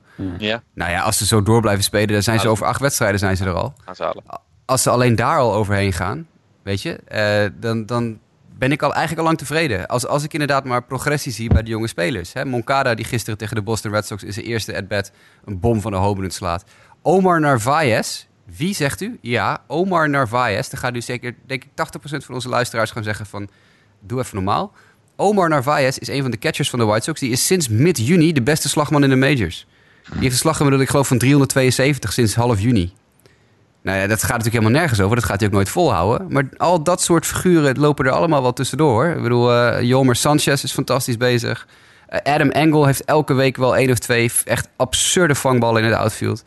Eh, het, het is echt een heel leuk team. Ik, eh, ik zou bijna zeggen, jongens, ga eens af en toe White Sox kijken. Het is echt leuk om te kijken. Maar goed, en buiten de White Sox om dan, eh, ik wil nog zeggen, de Twins staan natuurlijk tweede, maar spelen ook nergens meer om, zoals ik net zei.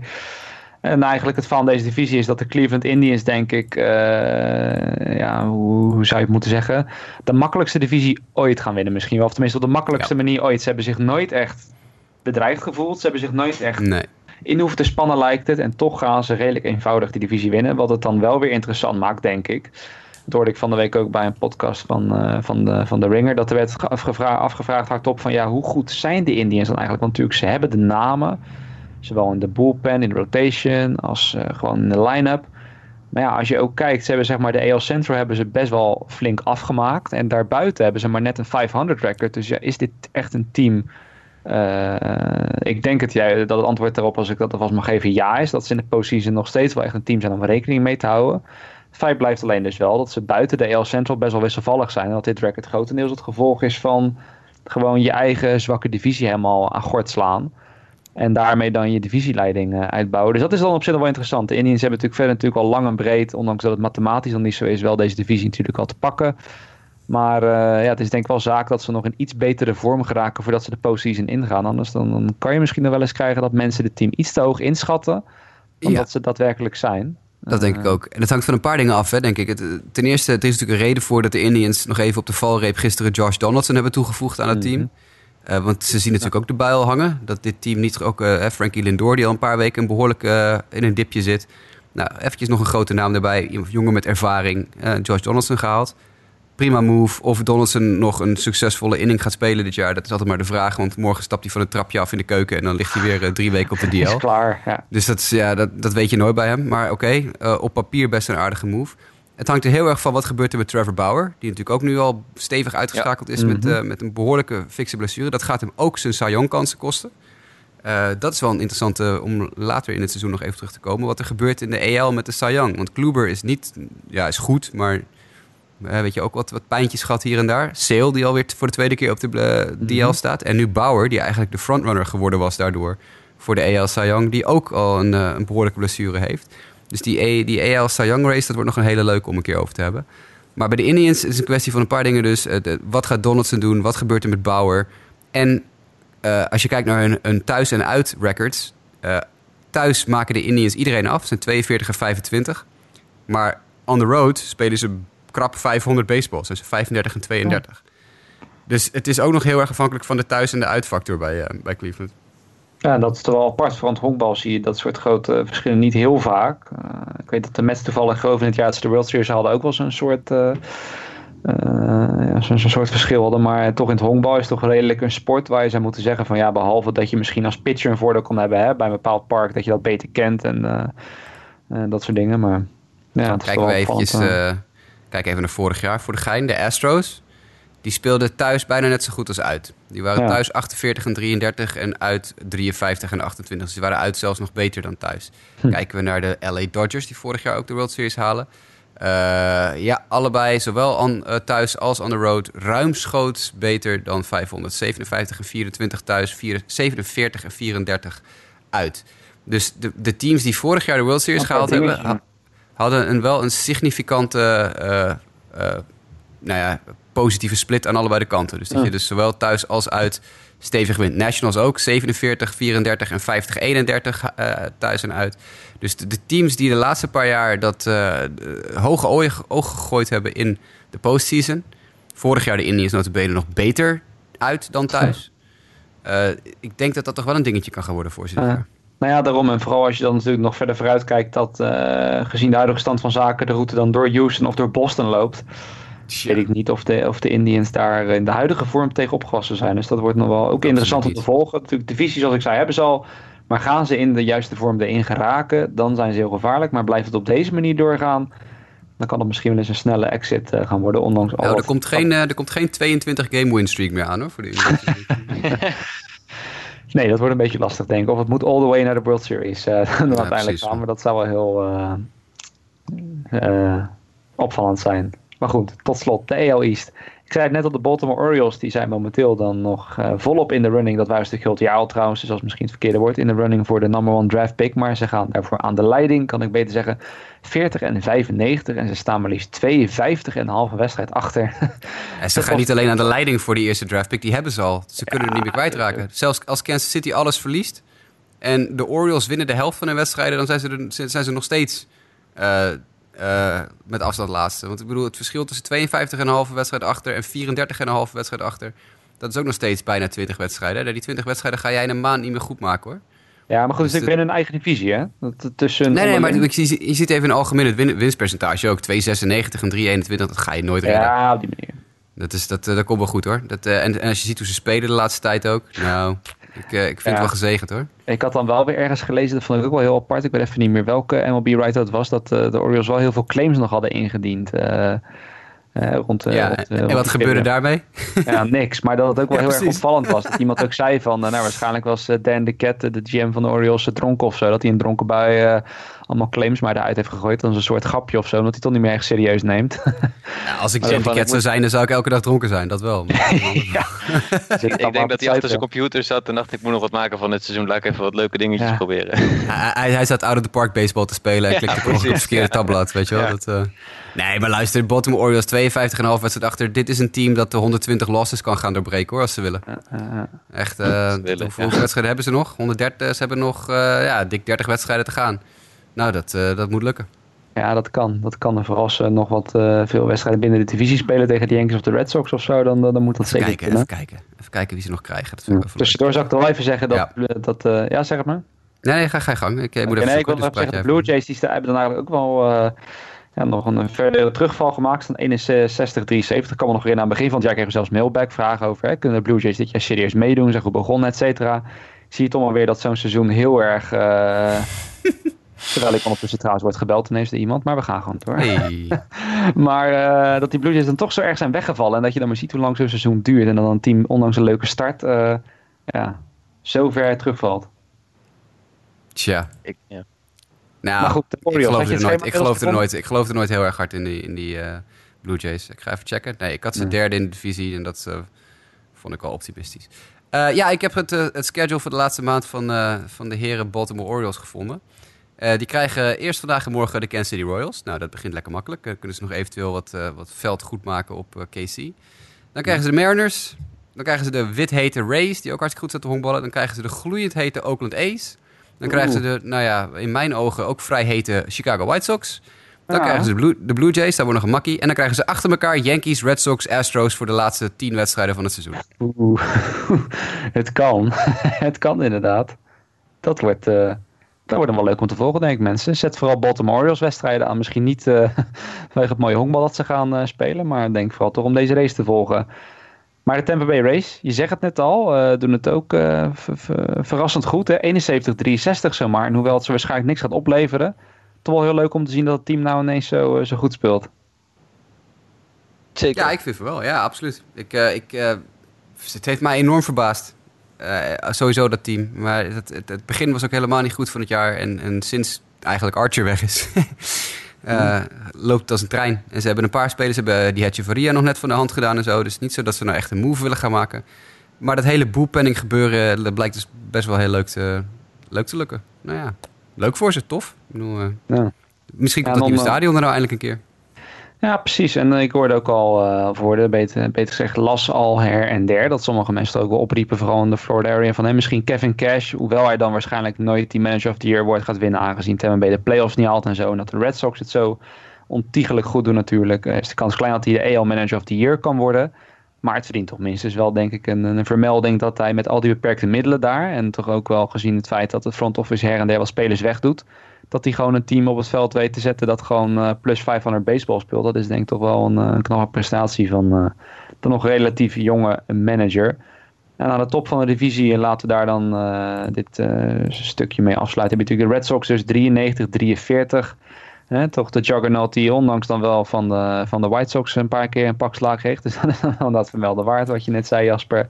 En de Yankees staan daar 7,5 wedstrijd achter. En Mike, je gaf het van tevoren aan. Onze eigen Neil Petersen die vroeg, eh, het was het drie, vier weken geleden geloof ik toen eh, wij net vertrokken waren met onze zomerbreak. Toen hadden de Red Sox de Yankees natuurlijk net gesweept. En toen vroeg hij ook al van, is de divisie voorbij? Eh, ik dacht toen eerlijk gezegd dat de divisie voorbij was. En ik denk het eerlijk gezegd nog steeds. Uh, want met die achterstand van 7,5 wedstrijd en gezien de kleine blessures die de Yankees momenteel ook, uh, ook hebben, denk ik niet dat ze dat gaan goed maken. Maar Mike, ik weet niet, uh, zie jij het nog gebeuren? Een Yankee Miracle of denk je ook dat het voorbij is? Ik denk op zich ook uh, dat dit gelopen is. Ik bedoel, de teams moeten nog zes wedstrijden tegen elkaar. Ook in de laatste twee weken spelen de Red Sox en de Yankees nog twee series tegen elkaar. maar ik denk, ja, Boston is gewoon eigenlijk op dit moment het beste team in de Major League. En ik denk niet echt dat er heel veel teams op dit moment in de buurt uh, komen. Maar misschien dat ik hiermee net even te veel uh, credits aan ze geef. Dat mogen jullie zo uh, bepalen. Ik vind het een interessante voor de Yankees vooral. die hebben de afgelopen week Andrew McCutcheon erbij gehaald. Omdat Aaron Judge al enige tijd geblesseerd is aan zijn pols, als ik me niet fris. Duurt nog steeds vrij lang, vind ik, voordat hij weer echt, echt fit is. Maar goed, zodoende wilden ze McCutcheon erbij halen.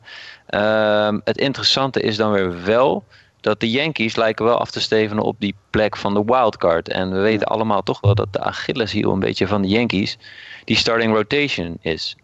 Daarmee zouden ze in theorie in die wildcard game hun beste pitcher Luis Severino waarschijnlijk moeten gebruiken.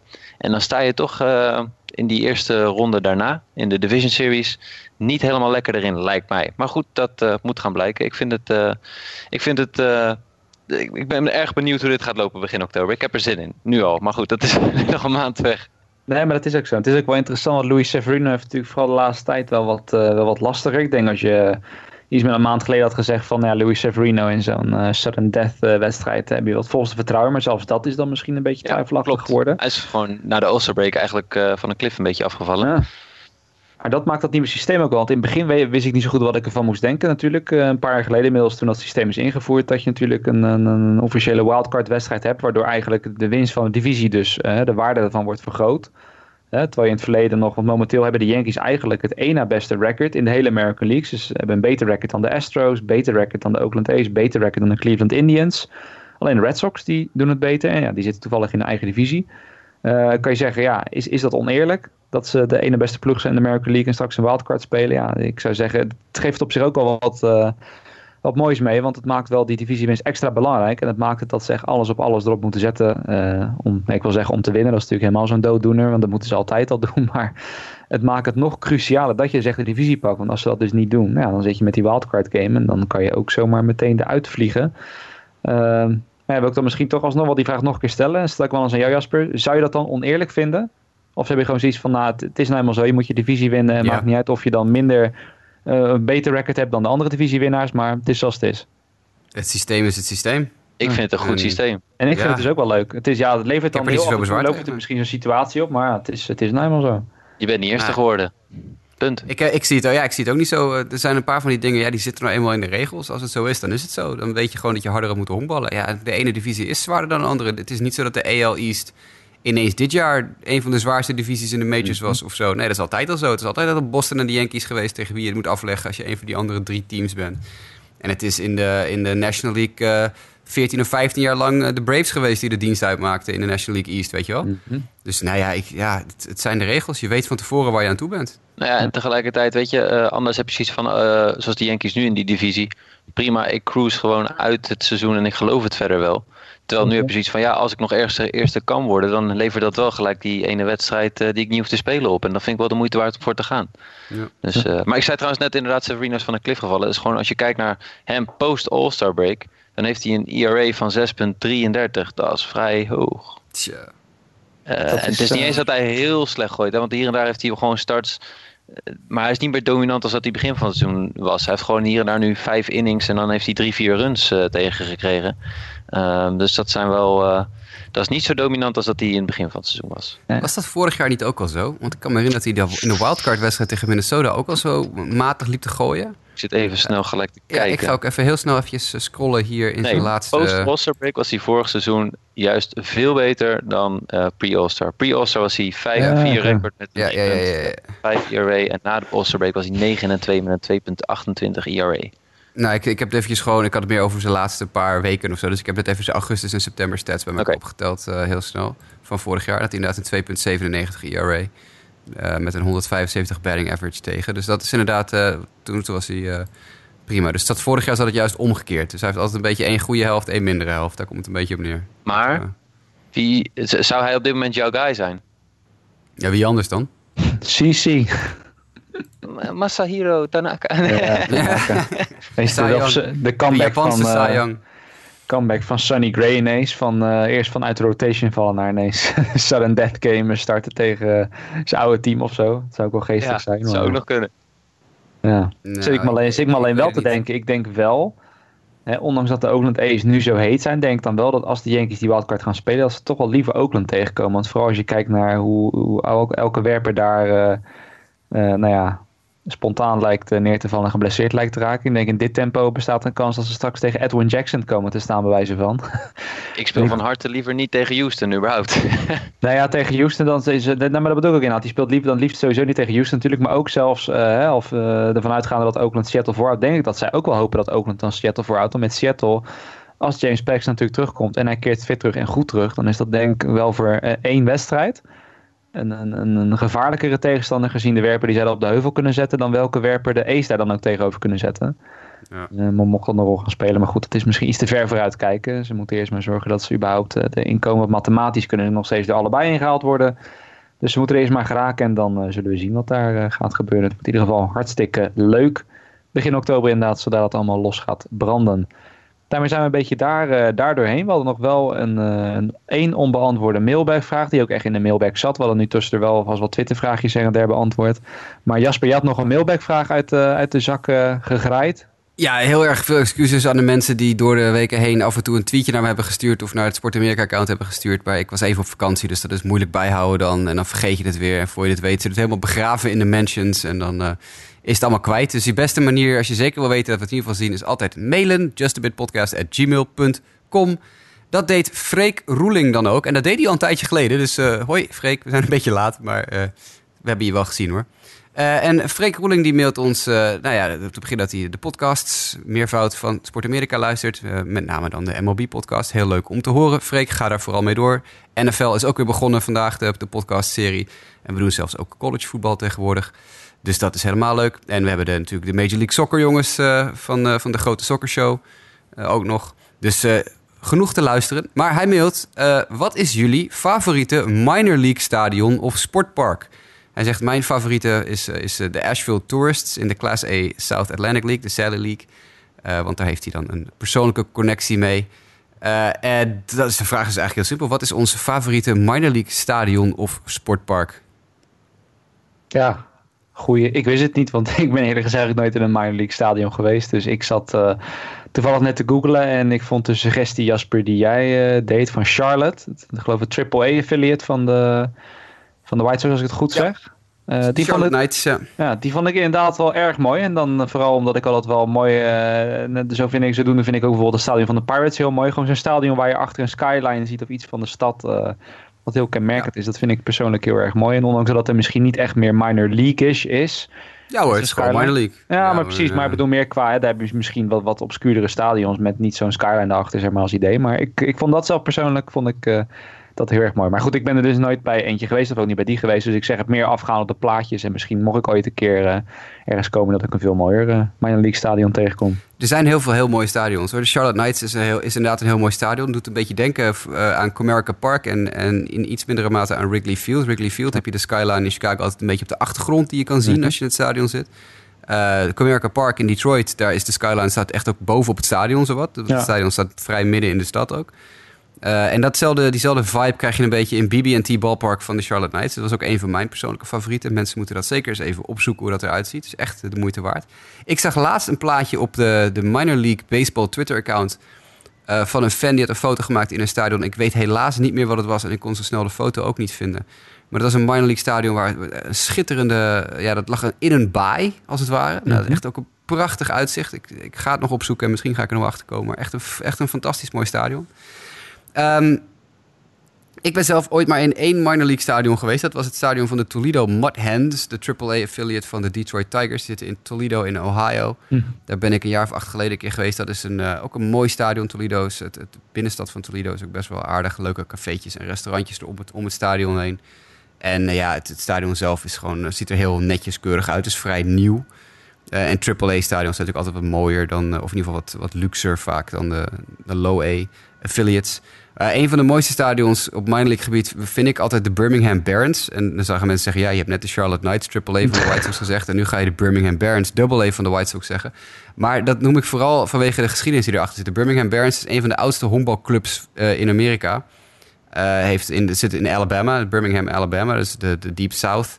Heeft heel veel, Alabama heeft natuurlijk heel veel in, het, in het teken gestaan altijd van eh, eh, rassengelijkheid. Martin Luther King, die, eh, die Letters from Birmingham Jail heeft geschreven in die stad.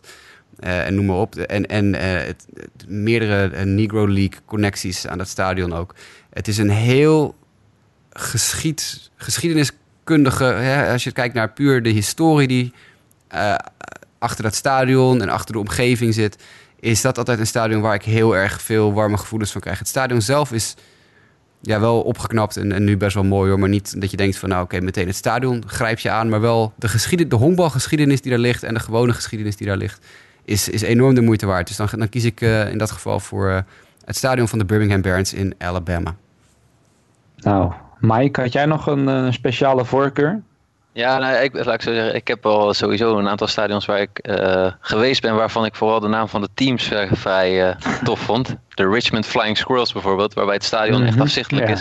Maar nee, ik, eh, er zijn eigenlijk drie stadions die, die bij mij wel, eh, die ik wel grappig vind. Ehm, de ene, daar was ik, eh, dus is die van de Biloxi Shookers. Dat ligt eigenlijk een beetje aan het strand.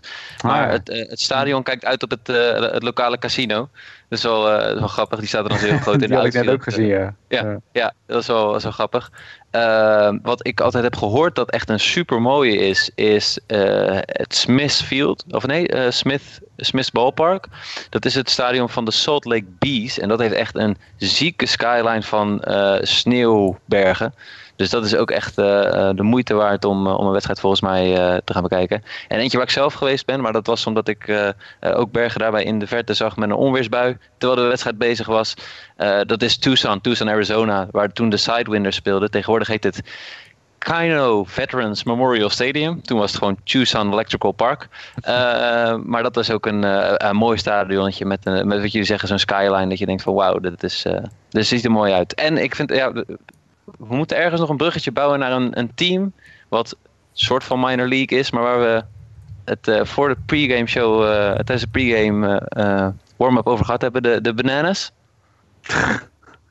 Ja, de Toch? Savannah Bananas was het toch? Savannah Ja, Bananas. Dit, ja. dit is echt even, mensen die het niet kennen, ga even op eh, een zoekmachine en typ in de Savannah Bananas. Dit is een college Summer League baseball team. Ik ben er in de afgelopen weken achter gekomen eh, via mijn Facebook timeline kwam in één keer een bericht van de Savannah Bananas. Dus social media promotie doen ze aardig. Eh, dit team doet echt bizarre acties. Echt superleuk. Eh, het is echt compleet gefocust op eh, een, een familieuitje moet het zijn, het honkbal. En je moet veel plezier beleven. Dus die hebben allerlei leuke en ludieke acties. En die hebben dan van die hippe t-shirts met Let's Go Bananas. Dus dit is echt... eh, ja, Jasper, jij ging volgens mij net, al ja, eh we- hadden net opgezocht. Ja, ik vind het. Ik had er nog nooit van gehoord. Ja, dat, jij zei het inderdaad net. We hebben het gelijk even opgezocht. Ik heb echt zelden zo gelachen. Echt. eh, de parkeermedewerkers, dat zijn parking penguins. Die dragen allemaal penguinpakken. Eh het is, je, je- zijn echt het is een hele rij aan, aan vacatures daar. Dus ik ga serieus nog over nadenken of ik volgende zomer niet eventjes een, een zomer, weet ik veel, het scorebord wil gaan opereren daar. Dat, is, dat lijkt me hartstikke mooi. Maar wat een hilarische organisatie. Dat is. Ik, kon, ik kwam niet meer bij toen je het net zag. Het was echt... eh, de Savannah Bananas is denk ik mijn nieuwe favoriete Independent League of Summer League team. Dat is echt Ja. hilarisch. Als je ook googelt naar eh, Savannah Bananas en dan de afbeeldingen erbij pakt, dan zie je ook dat ze een wedstrijd in kilts gespeeld hebben. Ja, ja, echt. Dit is echt Ja. bizar. helemaal, helemaal stuk, echt waar. Helemaal stuk. ja. Nou, kijk ik zou wel zeggen, vaak bij de MLB hè, zijn er wel eens van die dingetjes van hebben spelers schoenen aan die weer niet mogen of zo. Krijgen ze een boete van, eh, van de commissioner. Maar bij de Savannah Banana snappen ze tenminste dat het om, ook om entertainment gaat en om plezier, gezelligheid. En, Zelfs, eh, zelfs meer nog, denk ik, eh, eh, om entertainment dan om honkbal. Zoals je Ja. de site zo Ja. ziet. Ja. Precies, ik wil net zeggen. En nee, wat je net zei, genoeg vacatures. Dus, eh, jij zei het net ook, maar ik zit ook misschien te denken om even met de JWKF eh, Media eh, Ja. groep... eh, even Oh, misschien, misschien moeten we dat volgende naar- zomer even doen. Ja, Documentaire, do- documentairetje maken. Trekken, ja, over de Savannah Bananas. Dat lijkt me wel De- leuk. Behind the scenes, een beetje een soort Hard Knocks eh, meets eh, Last Chance You-achtig eh docu, maar dan met de Savannah Bananas. Ik denk dat het wel een hele andere, hele andere eh, hoe zeg je dat, stemming dan eromheen zou hangen. Iets minder dramatisch, iets minder fun, maar dat maakt het misschien ook wel weer... eh, Nee, dat lijkt me echt leuk. superleuk. Dat lijkt Ja. me echt fantastisch. Ehm, ik heb even zitten proberen te twitteren of ik nog die, die thread kon vinden van milb.com eh, van die mooie stadions. Maar het is niet gelukt. Maar als je zoekt in Twitter op Name a Better View MILB... dan krijg je in ieder geval nog een collectie van een stuk of vijf, zes stadions... die eh fotootjes hebben ingeleverd voor die ja, soort wedstrijd. Eh, wie de mooiste, het mooiste uitzicht had in, eh, in MLB. Dus Name a Better View MILB. En dan krijg je een paar, krijg je één thread van de Charleston River Dogs... En daar hangen dan wat andere teams onderaan die heel mooie foto's eh, van hun eigen stadions eronder hangen. Dus mocht je dat leuk vinden, dat is de manier om nog eventjes een klein beetje te kunnen achterhalen eh, hoe dat zit met die stadions. Maar goed, dat terzijde. Dat heb ik even opgezocht in de stad. Asheville Yes. Tourist, leuke vraag. Ik precies. vond het wel een heel leuke vraag. Ja, dat is absoluut eh, een van de originelere vragen die we dit jaar gehad hebben. Ik wil net zeggen, dat soort dingen zijn ook vaak leuk, want die, eh, die brengen ons ook weer op nieuwe dingen, zoals de Savannah Bananas dus bijvoorbeeld. Dat, eh, En je weet dat ik heel graag over de minor league praat, dus dat, is, Ja. dat scheelt Dat is alweer. wel weer een leuk aspect waar je natuurlijk in de show niet zo snel wat voor vindt. Maar eh, op deze manier dan toch weer even, toch weer even aan toekomen. Nee, hartstikke bedankt inderdaad voor de vraag. De naam was, Jasper, jij hebt hem voor je. Ik Freek altijd- Roeling. Freek. Nou, Freek, hartstikke bedankt voor je vraag. En mocht je toekomstige vragen hebben, stuur hem dan inderdaad ook weer op naar justabitpodcast.gmail.com. Want daaraan weet je zeker, hè, mits het gewoon een eh, MLB-gerelateerde vraag is, dat die, eh, dat die eh, in de show komt. Verder, je kan ons ook nog steeds, als dat mailen echt te veel voor je is, of weet ik veel, je hebt geen mail, kan me niet voorstellen dat je geen mail hebt. Iedereen heeft wel mail tegenwoordig toch, maar mocht je dat echt niet willen, kan je toch nog steeds twitteren naar ons. Bij mij at jwkev. Dat kan bij Mike at mdijk90 of naar Jasper at jasperroos. Of bij Nick, die er dus vandaag niet is, want die is nog met zijn internetkaal bezig. Maar die is er volgende keer beslist weer bij. At iNickD. Het kan ook via at sportamerika of facebook.com slash sportamerika. En ik denk dat we, ja, de show is gewoon wat langer. Ik heb geen timer bijgehouden, heren. Ik weet niet of jullie dat wel hebben gedaan. Ja, hoor. Anderhalf uur. Anderhalf uur. Nou ja, laten we zeggen, een beetje goed gemaakt voor de tijd die we de, de afgelopen eh, weken niet, eh, niet waren. Nu zullen we dus weer iets consistenter bij jullie zijn, want eh, wij gaan dus net zoals al die MLB-teams langzaam opwerken naar de playoffs begin oktober. Jasper bedankt, Mike bedankt en jullie graag tot de volgende keer.